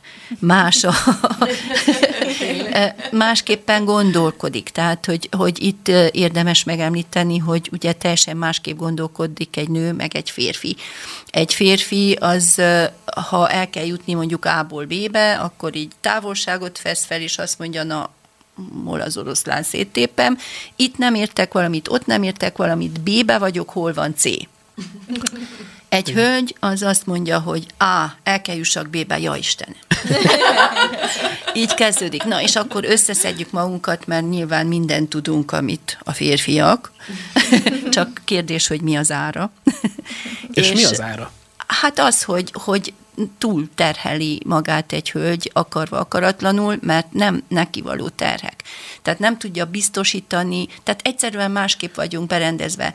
Nincs ott az a, az a fajta kiállás, hogy neki megyek, és Nem meg... az van, hogy valójában megkap hozzá valami természet fölötti erőt, egy kicsit úgy, mint amikor az anyukák megszülik a gyermeküket, és akkor utána éjszakákat fent tudnak maradni, és mert van, tehát hogy bizonyos pszichológusok ezt mondják, hogy mindent meg lehet oldani, meg mindenre képes vagy, és hogy meg... nincsen leküzdhetetlen akadály. Ami, amit jól hangzik, csak amit meg te mondasz, szerintem az, az eredmény, a valóság. Ha az eredményt nézed, nyilván eljut B-be, meg megoldja, mindent meg lehet oldani, tényleg. Csak nem mindegy, hogy hogyan terhelődik Igen. le hogy közben mennyire megy tönkre, hogy közben lehet, hogy, hogy az az életéből éveket elvesz. Ugye van ez az igaz, hogy mit számít az embernek, ha az egész világot megnyeri a lelkében megkártva, hogy itt azért az ember tud kárt vallani a lelkében. Hát abszolút, nem? és ugye a feministák itt tévednek, hogy ugye mindent meg tudunk csinálni mi nők, lépcsőn hátrafele, tűsarkuba, jégen lábon, bármi, csak ugye utána meg nem mindegy, hogy, hogy milyen állapotban van az ember. És, és ugye ezek emberfeletti terhek egy nőnek, mert, mert hát ugye a házasságban, de erről majd, majd inkább te beszélj, Laci, hogy ugye nem véletlenül vannak meg a szerepek. Egy, egy férfinak a felelőssége, tehát hogy nem azért, nem felsőbbrendű, hanem elsőbbrendű, de azért, hogy, hogy, hogy a felelősséget vállalja, megvédje, biztonságot nyújtson. És ez az, ami nekünk, nőknek ez kevésbé működik. Megoldjuk, mert megvédjük a gyerekeinket, anyatigrisről hallottatok már, tehát megvédjük, lehet, hogy túlvédjük, és, és ez is káros tud lenni, és, és eleve nincs, nincs meg az a jó Benne lehet fékrendszer. ebben a túlvédésben az, hogy velem most egy szörny, velünk most egy szörnyű tragédia történt, ezért én megóvom a gyermekemet, hogy nehogy Pontosan. még valami csalódás. Képzeld el, hogy akkor jön egy nő, aki mondjuk férjhez akar menni ehhez a férfihez, akiért annyi áldozatot hozott az anyja. Igen. Hát ez Igen. egy elég lehetetlen vállalkozásnak Igen. tűnik. És Igen. még nem is szimpatikus a... hát miért vannak az anyós viccek, Igen. Igen. Igen. Egyébként most egy érdekeset mondtál, hogy az a kérdés, hogy amikor egy nő egy ilyen helyzetben össze van törve, tehát sír, Igen. ugye attól megindul egy, egy fiúgyerek. Igen. És a kérdésem az, mert ez is lehet, hogy segítség a uh-huh. érintett hölgy eh, hallgatóknak, hogy, hogy mit, eh, mit történik akkor, amikor eh, amikor a tehetetlenségében hisztérikusan, indulatosan viselkedik, vagy követelőzik a nyilván a tehetetlenségében mondjuk egy gyereknevelésben egy fiúgyermekkel, hogy uh-huh. az hasonlóan együttérzés szokott kiváltani, vagy az inkább... Menekülést szokott kiváltani. Csak azért, hogy egy... Menekülést. menekülést. Később is. Igen, tehát... De, akkor, ez költői kérdés akkor egyébként a, a, az, az édesanyja inkább a sírást, az ilyen érzelmeit azt rejtse el a gyermek elől, és menjen be a belső szobájába, és ezt ott élje meg Istennel, vagy a telefonon a barátnőjével, vagy azért jó az, hogyha egy gyermek látja, hogy az anyukájának vannak érzelmei? Egy gyerek elől nehéz elrejteni mert az érzelmeket, érzi, mert ráérez. Egy csecsebő is, tehát olyan antennáik vannak, ráérez. Itt nem is feltétlenül arról van szó, de azért um, igen, meg kell próbálni nem bevonni a gyerekeket ezekbe a, a feldolgozási fázisokban. Ha egyszer-egyszer látja sírni, hát nem lenne életszerű, hogyha ha nem látná sírni az anyját egy gyerek, de, de szóval a feldolgozási folyamatot a gyermeken kívül kell megpróbálni, és ezért kell segítséget kérni, pásztorlásra menni, az úrral a kapcsolatot, mert ugye eltéved az ember sok esetben, és például a, erre akartam még egy rövid mondatot ejteni, hogy, hogy az önsajnálat megakadályozza a feldolgozás folyamatát. Keserűség, az önsajnálat, az, az egyszerűen, mert, mert ugye, ha már nem sajnál senki, akkor én magamat, miért, hogy, hogy, hogy, hogy nem sajnálhatom, de ez megakadályozza És sokszor az önsajnálat az egy jó ilyen menekülő útvonal tud lenni, és bár van némi ambivalencia ebben, de tud jó érzés lenni az önsajnálat. Hát, mint a drogozás kb. Hát kb. csak hogy... Pusztít és nyomorba dönt, de azért csinálják. Igen, csak ugye nem, nem, tud, nem tud felszabadulni, a lelke nem tud gyógyulni. Igen. És addig nem, áll, nem tud helyreállni az élete, amíg ebben benne van. Én azért is mondtam, hogy egyébként a sírás az még szerintem hagyjál, mert együttérzést igen, vált ki Istemből az... is, meg együttérzést vált ki nyilván egy gyerekbe is, Sokféle mert látja a törékenységet, van. sokféle sírás van. A, ha viszont hiszterikusan, indulatosan, hát tehet, ahogy mondom, tehetetlenül mondjuk ordibál, ugye azt nagyon nehéz feldolgozni Vagy indulatból veri meg. Vagy indulatból veri meg. Hát az Nem mindig, a jogosság, meg a... Az te... mindig probléma. Igen, Az, az egy épp családban is probléma, hogyha már nincs más eszközöm, csak agyon csapom a gyermekemet, akkor én szerintem annak az, az rossz. Tehát a szeretetből mm, akkor és akkor ezt, az, És az ezt jó. nem is vádként mondom, mert egy ilyen helyzetben teljesen érthető a szituáció, csak inkább arra szeretném ráirányítani a figyelmet, hogy ez megint egy olyan terület, amit fel kell dolgozni egy egyedülálló hölgynek, vagy aki egyedül neveli a, a apának is szerintem, hogy ezeket eh, viszont valóban az úrral kell letisztázni. Igen, Igen meg hát ugye a nagy terhek miatt könnyen elszakadhat a célna. Tehát egyszerűen nincs olyan, aki ha minden teljesen rendben van, akkor sincs olyan, hogy, hogy teljesen jól lehet mindent csinálni.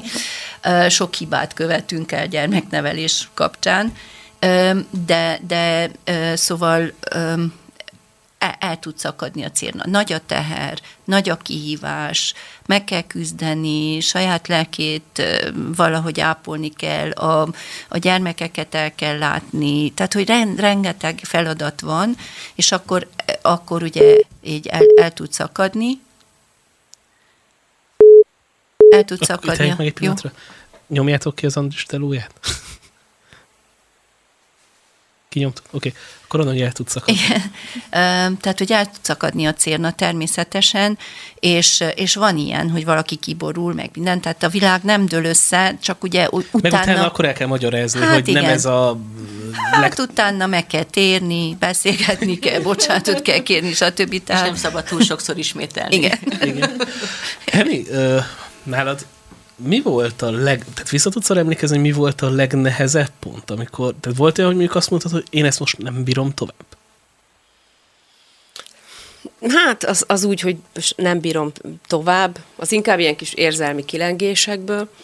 Talán az volt a legnehezebb, amikor ö, 30-as mm, éveim elején jártam, és még társ nélkül, és látszólag, tehát nagyon sok jó bizonyságom volt, mert tényleg ezt, ezt, ezt nagyon őszintén mondom, hogy Isten rengeteg segítséget adott nekünk, rengeteg személyes kijelentést, de az a nagy áttörés, amit a Happy End-re tartogatok, az még nem történt meg, és ott voltam 31 néhány évesen, társ nélkül, következő gyermek nélkül, és azért nekem, nekem ezek voltak a, a nehezek, hogy lesz ebből, hogy jó, hogy vannak ígéreteim. magad körül, és láttad azt, hogy nem biztos, Igen, hogy igen. ennek lesz folytatása? Igen, vagy a gyülekezetben más hasonló helyzetben lévők mondjuk már megkapták a társukat, én meg még nem.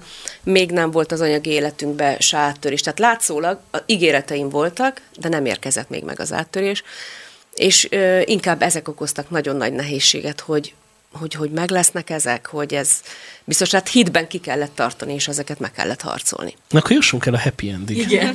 Jöhet, Jöhet a ilyen. hogy milyen jó, igen, hogy milyen jó Istenünk van, hogy ö, ö, én is kaptam egy nagyszerű társat ö, Istentől, és életemben először megtapasztalhatom, hogy valóban milyen az, hogy amikor társa van egy embernek. Mert ahogy említettem, nálunk valóban halmozottan hátrányos helyzet volt, tehát én az apukám részéről sem tapasztaltam meg ezt, azt, hogy biztonságot Akkor te adott. normális férfival tulajdonképpen nem igazán találkoztál így a magánéletedben. Hát igazából nem. Vagy kereszt, tehát úgy mondom, hogy most keresztényként, aki valóban jogosan hozzám tartozott volna, nem. Ö, úgyhogy megtapasztalhatom most, hogy milyen az, amikor társa van Hogy az lett férjed. embernek. Lett férjem, így van, nem is akármilyen, de azért mondjuk a happy endet egy kicsit most lehet, hogy akkor el, elrontom, csak még akartam arra reflektálni, hogy igen, mindent megcsinál az ember, az Úrral, vagy sokan Isten nélkül is, de azért a lélekben maradnak nyomok, amik, amik Persze. tényleg sokszor egy életen át ö, gyógyulnak. Ö, nekem egy olyan, olyan társam van most, aki, aki ne- nem csak, hogy megbeszélhetem a dolgokat, meg közösen megoldjuk, hanem leveszi rólam a terheket. És ez így- furcsa volt? És ezt akarom mondani, hogy például nekem, a lelkemben én ezt érzem lenyomatnak, hogy érzelmileg egyenlőre ennek a nagyon nagy örömét, hogy leveszi rólam, nem tudom még átélni. Inkább nem akarod odaadni a terhet? Nem. A, Pedig most nem azért tudok pár éve házasok vagytok, nem? Igen, tehát már kilenc éve ismerjük egymást, és több mint hét éve vagyunk házasok. Mm, tehát mindezt, amit most el, elmondok, hogy, ő- hogy ő valóban levesz és megold dolgokat, ahogy kellett, ahogy egy házasságban tényleg működni kell, és ennek a, az örömét belül, legesleg belül, mert hálás vagyok meg minden, ezt még nem tudom, mert annyira sok év telt el úgy egyedül, hogy teherhordozóként. És ezt lehet, hogy nem tudtam most úgy átadni hitelesen, amit, Szerintem abszolút érthető. De ez érthető, mint ahogy a apa a családját, hogy a, ugye az anya, ahogy mondtad, a fiát nem tudja elengedni, vagy Igen. a gyerek nem tudja elengedni Meg ha az valaki anyját. egész életében 100 kilós súlyzókkal Igen. edzett, akkor másnap az 5 kilós, az, azt meg kell szokni. Igen, meg szerintem ez olyasmi, ez jó példa, hogy sokan, akik mondjuk mindig kövérek voltak és lefogytak, beszámolnak arról, pedig már soványak, hogy belenéz, hogy ő belül egy kövér ember. Holott már nem, nem az.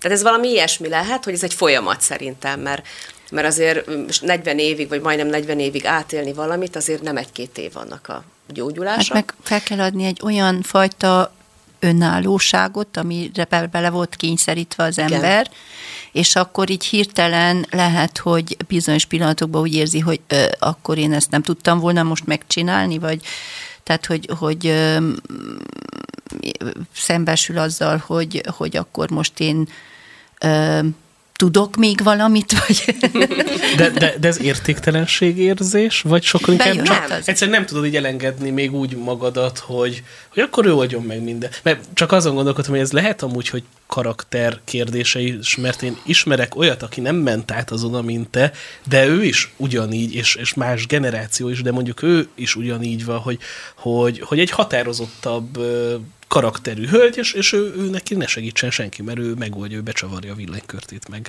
megszereli a Lehet, hogy ez is benne van, de inkább az érzelmi része, Mhm. uh-huh. tehát, hogy néha visszajönnek még az, azok a dolgok, hogy úgy, amikor mondjuk egy megoldandó feladat van, és még tudom, hogy nem vagyok egyedül, meg mondom, tehát a férjemmel mindent megbeszélünk, és aztán közösen döntünk, vagy ha nem tudom, akkor, akkor ő dönt. Ö, és de sokszor az érzelmeimben átélek még mindig olyan magányosságok. Tehát, hogy olyan pontokat, mintha én most egyedül lennék. Még mindig. igen. Mm, tudom, hogy nem vagyok egyedül. Tehát így értettem Viszont ezt. ezek azok az évtizedek, Ezek nem? az érzelmeimben. És lehet, hogy egy ilyen kicsit ilyen hitben, vizen járásra kell majd nem rád, ráhagyatkoznod, hogy mint hogyha ez ugye most egy egész más valóság már. Igen, igen. És azt hitben ugye át kell tudni. Feri, ilyeneket te is Gyógyulni átéltél, kell szerintem Annak az örömével is tudjál azonosulni, vagy meg tud, át tud élni. Igen, vagy ami nekem nem Igen. volt, vagy nem, nem jött, és most van, Igen. hogy azonosulni tudjak Igen, vele, igen. és, és átélni. És még a lányomat akartam mondani, hogy képzeljétek el, hogy neki meg olyan férjet adott Isten, hogy ő egyedüli gyerek, és akkor így apa nélkül nőtt fel, hogy olyan, aki nem, szak, nem csak, hogy szereti, meg elfogadja, hanem egy nagy családból jön, négyen vannak testvérek, egy olyan szülőkkel, akik 30 akárhány évi házasság után is annyira szeretik és tisztelik egymást, ami minden mozdulatukból, minden szavukból lejön, és nagyon szeret ott lenni. Tehát életéből... Te kapott 20 egy családot. Kapott egy családot, és ezt ő így fogalmazta meg, hogy ő 20 akárhány évesen Elmerülje. élezte először át, hogy mi az, hogy családba lenni, igazi családba lenni, ahol a szülők számíthatnak a gyerekekre, a gyerekek a szülőkre, testvérek egymásra, és ezt ő most átéli, és, és nagyon, nagyon hálás, meg boldog, és én is nagyon hálás, és boldog vagyok ezt. Vigasztalás Isten. Abszolút. Tehát akkor mindig van happy end. Így van. Így Feri, van. te is érezted azt, amiről a Henny beszélt most itt az elmúlt percekben? teljes mértékben értettem, amit mond, és el is fogadom, és talán a, én bennem én azt fogalmazódott meg, hogy tehát ilyen heg marad az embernek a lelkén talán, hogyha lehet ilyet mondani, amit sose fog elmúlni. Uh-huh. És ö, én ugyan nem tapasztalom, de a feleségem, aki ö, szintén, nagyon-nagyon hosszú ideig egyedül volt, ő ezt meg is fogalmazza, hogy neki ez, hogy összeköltöztünk, hát ez óriási kihívás. Mindig reggel föl kell, megcsinál kávéját egyedül, és nem jut eszébe, hogy mondjuk két, két adagot főzzél. Még. De, hát még De ezután a beszélgetés után... Úgy látszik, mindenkinek meg kell tanulni vizen járni. Ugye, nem, én örülök, hogy erről ilyen őszintén tudunk beszélgetni, és majd be is hoznék még egy szállat, mert sokan ezt úgy képzelik el, hogy megtérnek, ad az úr nekik új társat, és akkor jön egy ilyen teljes tökéletes élet. És szerintem pont ez a veszély benne, mert ha valaki egy tökéletes ilyen álomvilágot képzel el magának, és másnap szembe jön a szomorú valóság, akkor, akkor ő csalódni fog, és akkor megrendül a hite, és abból van a valláskárosodás, meg a sok-sok fájdalom. Igen, így van. Szóval a kávéfőzésnél Nem, tehát én, el, én ezt így elfogadom. Én, hogyha... Nekem, nekem az furcsa, hogy feleségem van. Tehát én minden, majdnem minden nap megkérdezem, mondom, hogy én mondom, Tényleg? van feleségem. Én nekem meg... De nem vagyok fogyatékos egyébként, de hát ezek, ezek nagyon... Hát ezek, de örömmel vesz az ember ezeket a dolgokat, és de óriási reménységgel. És van ebben az egészben azért vigasztalás, nem? Persze, természetesen. Nagyon nagy, persze. Azt a szállat akartam még behozni, hogy én beszélgettem olyannal is például, aki ö, egyedülálló szülő volt nagyon sokáig, aztán lett férje, és lettek még plusz gyermekei, és azt mondja, hogy nagyon boldog, de az óriási kihívás, hogy korábban például Istennel sokkal szorosabb személyes kapcsolata tudott lenni, mert több ideje volt. És hogy ez nagyon nehéz volt ezt az átállást így, így feldolgozni, hogy ez normális? Hát az időhiány az azért kemény dolog. Igen, tehát hogy, hogy ha megsokasodnak a feladatok, akkor nyilván egyedülállóként teljesen más az időbeosztása az embernek, és, és több, több, jobban tudja beosztani, mert csak saját magának osztja be. De amikor ugye a nagy családról van szó, akkor gyakorlatilag szervezni kell, és akkor, hát akkor egy másfajta kapcsolat alakul ki az úrral. Nem tudom, hogy esetleg, Laci. Most, hogy az időhiányt mondtad, eszembe jutott ugye a gyülekezeti élet, hogy azért is fontos szerintem egy ilyen helyzet, Igen. hogy a gyülekezetnek a középpontjába is benne élni, mert ugye az közben ezt az időhiányt például tudom hallgatni az igét, vagy az érintett fél, Igen. vagy a közösség fel tud oldani benne olyan jellegű dolgokat, amiben hiányt szenved. Igen. Esetleg a gyerekek tudnak, vagy a fiatalok tudnak mással is ott barátkozni. Tehát szerintem nagyon fontos, hogy a gyülekezeti életből nem mozduljon ki. Az nem? biztos. Egy ilyen Hát én például magamtól el tudom mondani, hogy én a gyülekezetben szocializálódtam. Tehát nekem ott lettek ilyen szociális kapcsolataim. Ott láttam azt, hogy milyen egy férfi, vagy hogy milyen egy, egy normálisan működő család, ö, egy vidéki településen, ráadásul ez egy kisebb közösség volt, ott szerintem jobban is sokszor oda tudnak figyelni az ilyen helyzetekre, de az, az rendkívül sokat dobott hozzá, és ö, emlékszem, hogy anyukám egyedül volt, de ez a gyülekezetnek pont az a korszaka, amikor mindenki ment és csinált mindent, és ebben a mozgalmi jellegben talán, talán úgy könnyebb is létezni, mintha valaki be van zárva egy lakásba. Hát egy, egy nagy Magában. családba kerül Igen, az igen, ember, igen. egy nagy családba kerül. Ezt én még Budapesten is megéltem, pedig ott aztán tényleg nagy család van. Igen. és, és rendkívül fontos. Tehát ezt látjuk most a, a COVID időszakában, és hát még nem vagyunk túl rajta, de a bezártság utáni időszakban, hogy hogy mennyire megsínylették a családok, az emberek a, a gyülekezetnek a hiányát, és, és hát ugye nagyon-nagyon fontos pont ez, hogy, hogy ott vagyunk, egy héten kétszer ott vagyunk, de... Nem magammal foglalkozom. Így van. Nekem... Az önsajnálaton, amiről beszéltetek. A nehéz időszakomban minden nap bent voltam a gyülekezetben, és ugye volt olyan, hogy hétfőn be volt zárva, vagy, vagy mit tudom én, két ünnep közben volt zárva, de akkor az autóval egyet köröztünk a bezárt kapu, hogy itt vagyunk, alig várjuk, hogy jöhessünk. Tehát, hogy, hogy ennek óriási, óriási megtartó ereje van. És minden, de hadd kérdezzek egy személyeset, hogy miközben te magad is az életedben kihívásokkal küzdködtél, közben meg egy csomó embernek segítesz és segítettél. Addig, amíg benne voltam, addig nem. Addig nem. Tehát nem is szabad szerintem. Tehát addig, amíg az empátia más, mint amikor azonosulsz a másik ember sorsával, mert akkor, akkor nagy károkat tud az ember okozni. De mondjuk én, én szakemberként is, hogyha abban az időszakban, amikor én is harcoltam, küzdöttem, akkor akkor ha valaki megemlítette ezt a, a kapcsolati nehézségeket, akkor, akkor én futottam el. Tehát, hogy nem, nem tudtam ezzel mit kezdeni. Az úr olyan jó volt, hogy akkor kezdtem el gyerekekkel foglalkozni. Nyilván gyerekek kapcsán is találkozik az ember, de azért egy picit más, más aspektusból, és addig, amíg, amíg az embernek a lelke meg nem gyógyul, addig nem, nem nagyon szabad szakemberként ebbe belelépni. És ugye ezt látjuk a világban, hogy nagyon sok ö, olyan szakember idézőjelben mondom, osztja az észt, aki ő maga is romokban van az élete, és nem, nem tud hiteles lenni, és nem tud igazán segíteni. Beszéljünk akkor egy kicsit a gyerekeknek a kihívásra, és akkor Vivien hozzád fordulnék, hogy te hogy érzed, hogy mint érintettként mi az, amire különösen oda kellett figyelned az életednek a bizonyos korszakaiban? Tehát amik ilyen kihívást jelentettek, vagy nehézséget? Vagy... Ö, szerintem Hú, ez egy jó kérdés, mert biztos, hogy a, a mai napig van hatása, hogy ugye Henny is, meg a Feri is elmondta, hogy ezek se, vagy ott marad egy hely, tehát hogy olyan, mint hogyha ha folyamatosan... Bocsánat. Mondom meg, hogy olyan, jó? Pont a legjobb résznél, de... Szóval olyan, mintha folyamatosan gyógyulnék én is. Már, már azért nem olyan szinten visel meg ez az egész, mint, mint régebben, de... Mikor volt a legnehezebb? Ö, ilyet nem tudok sajnos, ki, vagy hát nem tudom, sajnos vagy nem sajnos, de nem tudok ilyet kiemelni. Például sokáig ugye abban reménykedtem, hogy akkor majd a szüleim együtt lesznek, aztán jött Csaba, és széttörte ezt az álmat. Az nyilván nagyon nehéz volt szerintem, az az időszak. De egy, egy, egy...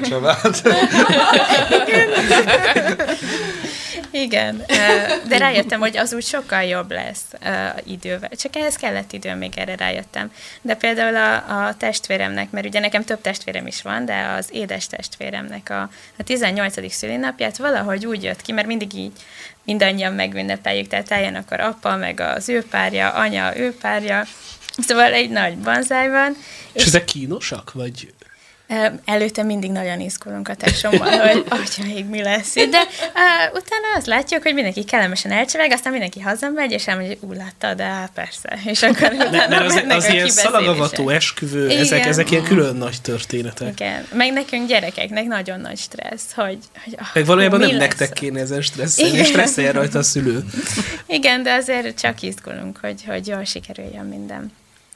De amit mondani akartam az az, hogy a Norbinak a 18. szülnapját úgy ünnepeltük meg, hogy csak apa volt ott, anya, én, meg Norbi, meg persze az ő barátai. És uh, nagyon jól sikerült, és nagyon örültem is, és uh, csináltunk egy fényképet, amin, apa, amin így négyen voltunk rajta. És uh, visszajöttem Budapestre, és néztem ezt a képet, hogy ú, de szép ez a kép, meg hogy örültem ennek az egész eseménynek, és utána egy ilyen ez, ez a nagy öröm egy ilyen mély, mély szomorúságba ment át. És akkor éreztem, hogy te jó ég, úgy elgondolkodtam rajta, hogy milyen lenne, hogyha ők még, még együtt lennének, akkor lehet, hogy ilyen lenne az életünk, vagy hogy úgy, ez mindig bennem van, hogy azért egy kicsit szeretném tudni, hogy, hogy milyen lett volna, és nyilván egy rossz érzés, hogy ezt soha nem fogom megtudni, de persze nagyon boldog vagyok, mert látom, hogy apa is boldog, anya is boldog, illetve az ő kapcsolatukból a testvéreimet nagyon szeretem, és nem cserélném el semmire, de azért mégis ott van bennem a mai napig. Nyilván ez nem, a mindennapokban nem jön elő, de, de ilyen szituációknál azért úgy feljön bennem, hogy, hogy És akkor ez a legnehezebb része, úgy érzed? Szerintem igen. Mert azért érdekes ez, mert ez viszont inkább a szüleiddel kapcsolatos, és nem magaddal, nem? Tehát, hogy, hogy, hogy valójában nem azon gondolkod, hogy most téged milyen hátrányért, vagy hogy, hogy, hogy neked kevésbé volt jelen valaki az életedben, vagy ilyenek, hanem hogy milyen jó lenne, ha nekik jó uh-huh. lenne tényleg érdekes, igen. Talán még a, az önbizalom kérdése, vagy az, hogy valakiben meg tudjak bízni. Az Azért, nehéz? Az nehéz, igen. Hogy, hogy úgy nagyon elbeszélgetek akárkivel szívesen, de az, hogy úgy a mély belső dolgaimat megosszam valakivel, ahhoz nagyon sok idő kell. Meg, meg ott azért vannak körülöttem falak, amik így felépültek emiatt. Ez az önbizalom kérdése, ugye itt a, szerintem az elvetettségnek a kérdése az azért szorosan összefügg ezzel a témával, hogy mi a tapasztalat, hogy azok a gyerekek, akik így vagy úgy, de ilyen csonka családban nőnek fel, ő, ő, nekik nagyobb a harcuk ezzel a területtel? Hát nagy, igen, igen. Tehát ez a, amit elmondtál az előbb, hogy, hogy felhúzzák a falakat, ez, ez, ez képes beszéd, el lehet képzelni, hogy, hogy, hogy védelmem legyen, és hogy ne legyek kiszolgáltatva, hogy többet ne tudjanak engem bántani, vagy ne érjen ilyenfajta csalódás, hogy, és ne érjen vesztesség, mert hogyha hogy ben vagyok a saját kis falaimon belül, akkor, akkor én véd, védve vagyok. De ugyanakkor ugye meg is fosztja magát, hogyha nem sikerül ezeket a falakat lebontani, és nem vállalja be a rizikót az ember, hogy hát érhetnek még sérelmek, de viszont egy csomó minden jó is történhet velem, addig, addig az, ez, ez egy nagy, nagy akadály, és ugye az önbizalom hiány.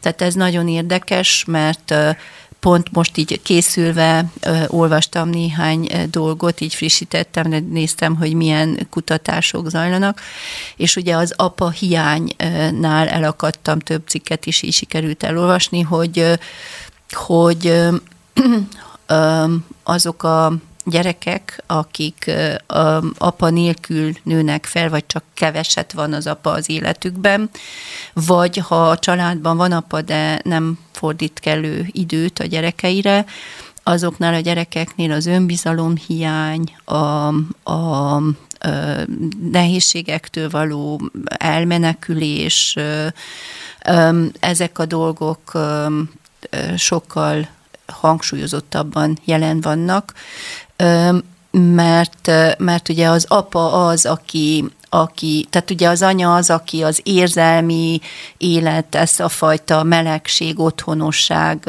stb.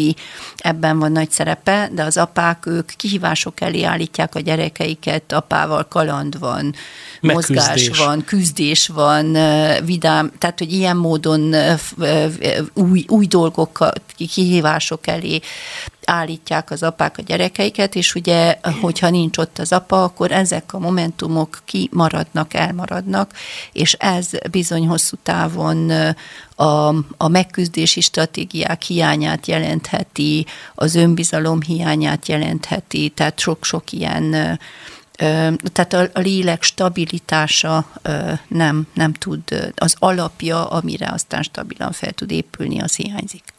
Ami nagyon érdekes, hogy sok esetben azok, akik csonka családban nőnek fel, később maguk is elválnak. Tehát, hogy így örökítenek valamit. Ez egyrészt így van? Tehát, hogy, hogy ez így kimutatható, hogy tényleg így van, de én sokszor látok, meg hallok ilyet így ismerősi körben is. Hát én e, ez, ennek így most nem néztem annyira utána, de, de e, ugye én amiután megtértem, azután értettem meg a szakmámból is egy csomó mindent. és, és hát itt én, én a hitéletemből, a Bibliából, a, a tanításokból tanultam ezt meg, hogy, hogy ennek mi, mik az összefüggései, úgyhogy erről inkább Laci, te beszélj egy Ugye a kegyelem az hát teljesen át tudja ezeket fordítani, tehát ez ez lehet esélyt, jelenthet. Igazából ezért is fontos szülőknek a tőlük telhető módon megtenni mindent azért, hogy együtt maradjanak. Például most nekem van egy 30 év körüli jó barátom, aki most szembesült, hogy a szülei el akarnak válni, és ugye ő szinte mindulattal, haraggal szólította meg őket, hogy, hogy hát hiszen őtőlük mindig azt hallotta, hogy, és mindig is úgy látta őket, hogy nagyon tüchtig és nagyon fegyelmezettek, és hogy most, amikor már szinte ő gyereket vár, hogy most hozzák őt olyan helyzetbe, ami, ami azt is jelzi, amit te is mondtál, hogy azt ő csak ő szülőként tudja megközelíteni az apát és az anyát, tehát ő teljesen egyként látja, hát ahogy ezt Isten el is tervezte, és ő belőlük akar meríteni, amikor tanácsot kér, amikor segítséget kér, amikor mintát vesz, és na ez a minta, ez biztos, hogy sérül abban az esetben, ha csonka családban nő föl valaki, és ugye ezért is érdekes kérdés, hogy mondjuk te, te esetedben ugye azért megkaptad az apait és az anyai szeretetet is, ugye? Igen, Tehát ez igen, maradt, és ez egy szerencsés, hát a maga szerencsétlenségében. Mégis azt ki nem tudtad volna törölni, ugye? Lelked, hogy jaj, de jó lenne, ha ez vissza tudná állni. És az önbizalommal való igen. küzdelem. És viszont az is egy kérdés, hogy te milyen elhatározásra jutottál ezek után, hogy te hogy szeretnéd, hogy fogod ezt majd csinálni, amikor belépsz ebbe a vándorútba, hajóra. Hát az biztos, hogy, hogy a hármas kötél az nem szakad el. És ha, ha nekem lesz, vagy erre gondolsz nem, igen, hogyha igen. majd... Tehát, hogy milyen tanulságokat és elhatározásokat e, tud összeszedni uh-huh. egy mhm. gyerek, egy ilyen fiatal egy ilyen helyzetben, hogy biztos, hogy arra sokkal jobban fogok figyelni. Igen, hogy... abszolút, ezek, ezek biztosan. Meg nemrég láttam egy, egy színdarabot, amiben azt mondták, hogyha valami egy házon belül romlik el, azt ott kell megoldani, nem pedig kimenni abból. És, és biztos vagyok benne, hogy én erre úgy jobban oda fogok figyelni, mert tudom, hogy, hogy egy gyerek mit élet, és én ezt nem akarom, a, hogy az én gyerekeim ezt átéljék hanem tudatosan fogok erre nagyon figyelni, meg, meg azt gondolom, hogy az Úr erre ad nekünk kegyelmet. Mm. És, de azért, mert most ezért imádkozok, hogy majd, ha lesz, akkor, akkor ne kerüljek ilyen helyzetbe, mert tudom, hogy igen, én is nagyon sok olyan történetet hallottam, hogy akik ilyen háttérből jöttek, utána ők is elváltak. És én ezért már tudatosan imádkozok, hogy, hogy nekem ilyen ne legyen, ilyen problémával ne kelljen szembesülnöm. Erre biztosan nagyon komolyan kell készülni, mert eh, mondjuk legalább így a, a tapasztalatainkból azt látjuk, hogy ugyanúgy, ahogy a Henny is elmondta, de hát gyakorlatilag a Feri is, hogy ezek maradandó hegek, tehát hogy ilyen, ilyen hogy flashbacknek hívják, hogy így visszajön valamilyen Igen. érzés, és nekem még a korosztályomból is volt, amikor mi házasodtunk, és ők is házasodtak, és akkor volt valami nehézség, még már kicsi volt a gyerek, és akkor azt mondta a barátnőm, hogy akkor ő most elválik. És mondom, ez hogy jut eszedbe? Hát, hogy összevesztek. Jó, de hogy függ össze a kettő? Mert én, én számomra ez nem volt Mert egyértelmű. akkor minden nap el lehetne válni. Igen, az ő számára viszont ez ez a flashback, hogy hát amikor Igen. gond volt, akkor ez egy megoldási kulcs. És persze az ember jobbik esze tudja, hogy nem, de a rosszabbik esze nem tudja, hogy ez mm. nem megoldás. És nyilván, aki nem látott ilyet otthon, abba ez nem tud vissza ö, jönni, hanem csak az, aki látott ilyet, és akkor valóban nagyon tudatosan kell azt mondani, hogy jó, eszembe fog jutni, de akkor is eszembe fog jutni az, hogy én már előre tudtam, hogy ez eszembe Igen. fog jutni. Igen. De, de az is van azért, hogy hogy ahol, tehát hogy generációról generációra megy, tud menni tovább, ezért kell megküzdeni vele, és ezért kell nagyon felkészülni rá, mert hogy, hogy, hogy ezek lehetnek valamilyenféle ö, ö, családon belüli, vagy, vagy tehát ami így generációról generációra átadódik, és, és ez, ez a nehezebb oldala, mert lehet, hogy, hogy a jó szándék ott van, de hogy ezek ugye azért szellemi, szellemi erők. De szerintem épp azért fontosak az ilyen beszélgetések, hogyha majd Viviennek meg lesz a férje, és előtte hallgassa épp... meg mindenki. és jönne egy ilyen egyébként, amit az előbb mondták, Kati, ezt ö, alá tudja támasztani minden ismerősöm, aki elvált és aki nem, hogy aki elvált, az konfliktusok esetén valóban nem is tudja, hogy miért jön ez elő, hogy én elválok. És aki nem vált el, soha eszébe sem jut. Tehát mm. eszébe sem jut, hogy azért, Igen. mert most összevesztünk, vagy egy konfliktus van, elváljunk, és nem is érti, hogy neked ez most hon, honnan jött elő, hogy te elválsz. Miért? Azért, mert most összekaptunk. És a másik se érti, de ugye szellemi módon mi értjük pontosan, hogy ez tényleg egy tendencia, de Vivi vagy a hasonló fiatalok, miután már ezekről beszélgettünk, tehát teljesen tudatosan tudnak készülni, Igen. és ha mondjuk előjönne majd a házasságba, akkor már be tud kattani, mert, mert beszéltünk róla sokat, hallott, hogy nem, de mi, mi az, hogy elválok, tehát dehogy is. Meg, hogy fogalmazzak az, meg egy, egy másik álláspontot. Tudom, hogy a gyülekezetben ez ilyen elterjedt, hogy aki elvált, az, sőt a világban is, hogy ott nagyobb százalékban válnak el, de én onnan közítem meg, hogy a nagyszüleinknél mennyi vállás volt. Szinte Nem sok. nulla. Hát jóval kevesebb, igen. Nem, igen. Tehát, hogy ez egy, én, én inkább mondanám egy korszellemnek. Ezt. mit mondasz? Hát ez mindenképpen korszellem, de ugye pont egy ilyen helyzetbe kerültél ugye te is, meg a Heni is. Lehet azt mondani, hogy, hogy, hogy jó kivár, megadással várni az Úr szabadítására, és hogy a gyógyszert, a, az és az impulzust és a tovább haladást, ezt ő adja meg, Isten adja meg.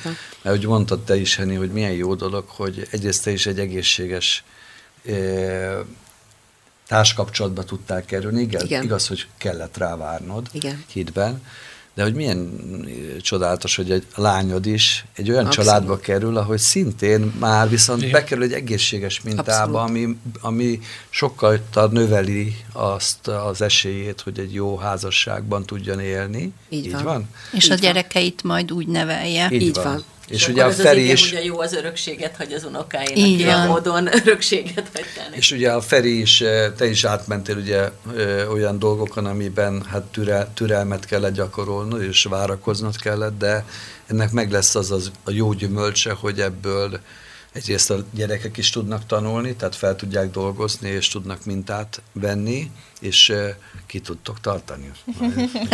A baj idején, a nehézség idején is. Igen. Igen. Közben jött néhány hallgatói visszajelzés kérdés, ezeket olvasnám be. Van egy ilyen, hogy örülök, hogy ilyen élethelyzetekről és annak kezeléséről van műsor. Számomra is fontos, mivel két gyermekkel vagyok 11 éve. Sok nehéz helyzeten vagyok, vagyunk túl. Hálás vagyok Istennek, hogy mindig gondot viselt rólunk lakóhely, ruha, étel. Mégis fontos, hogy egy nő nem tud apa is lenni, bármennyire is idegszik.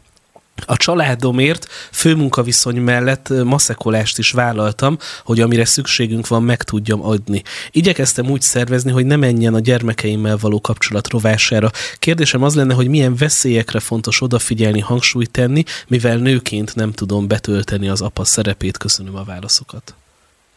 Hát most itt szellemileg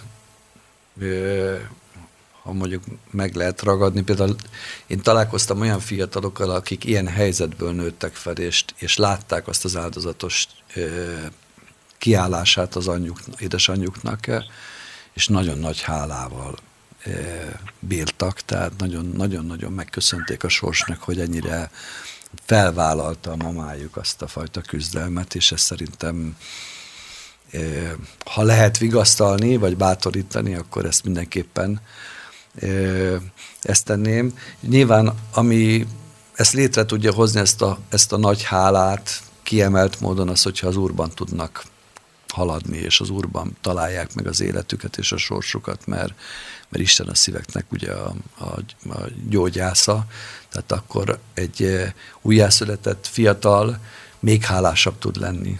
Tehát Amúgy Laci, arra van bármilyen tapasztalatod, hogy azok a fiatalok, akik csonka családban nőnek fel, könnyebben húznak a világ felé, a devianciák felé, vagy ez nem ezen múlik?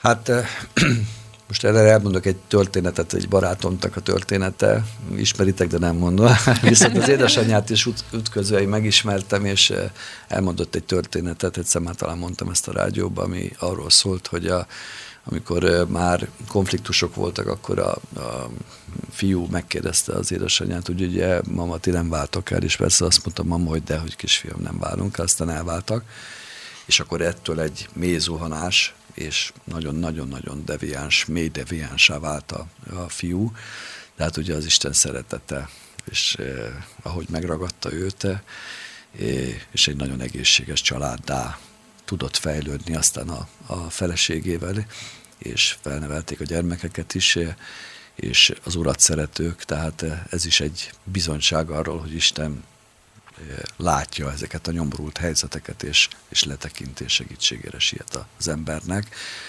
Egy olyan nehézségében, amiben egyébként tehetetlen, szinte lehetetlen e, e, állapot, és mégis van kiút. Tehát mégis ki lehet belőle szépen kapaszkodni.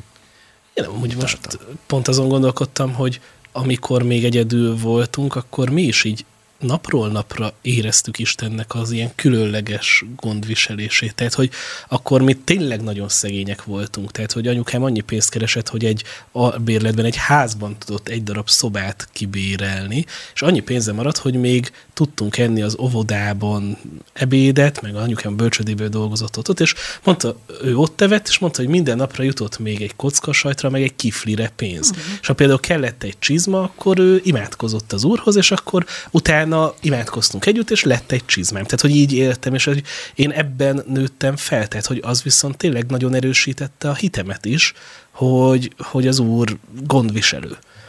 És hogy azt látom, hogy nagyon sokszor a, a mi sorsunkban azért vannak hullámvölgyek, meg kanyarok, meg szerintem akiket így egyedül neveltek bizonyos életszakaszaikban, ott, ott sokszor ez nehezebb is lehet, mert mondjuk nincs ott az a szülő, aki, aki leülne beszélni a gyerekével, vagy, de hogy mellette meg az úrnak a kegyelme is valahogy nagyobb. Tehát én azt látom nagyon sok esetben, hogy, hogy, hogy így ezekben a helyzetekben egyszer csak mégiscsak az úr saját maga beleavatkozik sok esetben, és, és akkor meg tud térni, meg ki tud jönni az ember nagyon durva életszituációkból is. Hát én azt látom tényleg olyanok is, akik e, ilyen e, gondozóban nőttek fel, tehát olyan csodálatos. És például a nevelőapukám pedig állami gondozott. Állami tehát, hogy különösen igen, szép, igen. igen. igen nagyon különleges, hogy, hogy Isten mennyire gondol tényleg az árvákra. Tehát, igen. magukra vannak hagyva és ezért kell bízni az Úrban. Hogy egy ilyen helyzetben, hogyha nem is keressük ezt, és váratlan bele zuhan egy férfi vagy egy nő, apa vagy anya, akkor, akkor a gondviselés az meg sokszorozhatja az erejét és a lehetőségeit, képességeit a gyermekeire nézve. Végezetül egy utolsó... Ja, bocsánat, mondja csak. Én is szerettem volna egyet kérdezni Vivitől és Lacitól. Nemrég egy megosztott velem egy fiatal lány egy történetet, a sajátját, hogy elváltak a, a, a szülei, ő az anyukájával maradt, a, az apukája ö, újra házasodott, hogy születtek testvérei, és egyszerűen nem tudja feldolgozni azt, hogy ő nem lehet az apukájával minden nap, tehát hogy ő ugyanolyan jogú gyermeke, mint a most született testvérek, és, és közben ő miért nem aludhat minden nap az apukájával, ő miért nem vehet részt minden nap a, az, vagy az apukája az ő életében, a testvérei meg miért, és nem tud kijönni ebből a kérdéskörből, a miértekből, és hogy te ezt hogy dolgoztad fel, amikor a, az apukádnak az új kapcsolatából testvéreit születtek, hogy voltak-e ilyen nehézségek, hogy féltékenység, vagy ezek a kérdés, amit ez a, ez a fiatal lány feltesz nap mint nap, hogy, hogy te miért nem lehetsz minden nap az apukáddal, csak két hetente hétvégén, a testvéred miért lehet vele? Hát igen, én is feltettem ilyen kérdéseket. Először apának az új házasságában született egy testvérem, és, és bennem is bennem volt ez. Meg hogy azt éreztem, hogy ez igazságtalan. Hogy, vagy hogy apa őt jobban fogja szeretni, mint engem. Szerintem ez Elvette egy teljes... az apukádat. Igen, egy kicsit, de, uh-huh. de annyira megszerettem azt a testvéremet az első perctől kezdve, hogy, hogy őt nagyon szerettem, de közben mégis ott volt ez az ambivalens érzés, hogy szerettem ott lenni, de amikor eljöttem, az eszméletlenül tudott fájni, hogy, hogy én is ott szeretnék lenni. De közben meg anyát se akartam ott hagyni, szóval ez egy borzasztó kettőség, amit egy, egy ilyen gyereknek ilyenkor át kell élni, hogy mind a két helyen szeretnél lenni, de nem tudsz egyszerre két helyen lenni. Úgyhogy bennem is voltak ilyen kérdések, és szerintem ez egy külön kegyelem Istentől, uh-huh. hogy, hogy, hogy ezt így fel tudtam dolgozni. És, és hogy szereted a testvérét, tehát nem az, hogy megutálja persze. az ember, nem féltékenység. De általában azt mindenki szereti másik. a testvérét, nem? Csak hogy mégis rossz érzés ennek ellenére. Igen, mert ahogy Vű is mondta, hogy ez igazságtalan helyzet, hiszen neki Igen. ugyanolyan joga lenne harmóniába élni a szüleivel, mint annak a testvérének, és hogy Ö, nem tudtam szerintem olyan hasznos dolgot mondani ennek a lánynak, mint szerettem volna, és ezért is szerettem volna mindkettőtöket megkérdezni. Egyébként az édesapjával él, nem a mamájával? Nem, az anyukájával él, és az apuká, tehát ketten, Igen. és az anyukájának nem is sikerült még eddig ö, új házasságot, ö, ö, vagy házasságra lépnie, az apukájának igen, és onnan születtek testvérek. És pedig, ö, tehát egy 20 év körül lányról beszélünk, és nem tudja feldolgozni. Nem. Hát uh-huh. mindenképpen Istenhez menekülnék, mert tényleg az ő szeretete, ami ebből valami olyan dolgot tud kiformálni, hogy, hogy eh, nem lesz tőle elhagyatott, és nem lesz tőle kifosztott, és megalázott, és megszégyenült, mert ebből a helyzetből csak így lehet kitörni. Ő nem Igen. tud abba a helyzetben már belelépni, amiben a, a mostoha testvéreiben vannak, hiszen nem tud eh, a mostoha édesanyjának a gyerekévé válni, tehát ezt konvertálni kell, az az érzésem, hogy hitben kell kilépnie, és ebbe segítséget kell neki adni. Ennyit tudtam én is neki mondani, tehát igazi gyakorlati dolgot, igen. hogy ezt hogy kell, azt, azt nem tudtam, ezt mondtam én is, igen, amit igen, te. Igen. Van erre családterápia, gyakor... vagy bármi? Hát kit kellene ebben a helyzetben? Hát mindenkit. Mindenkit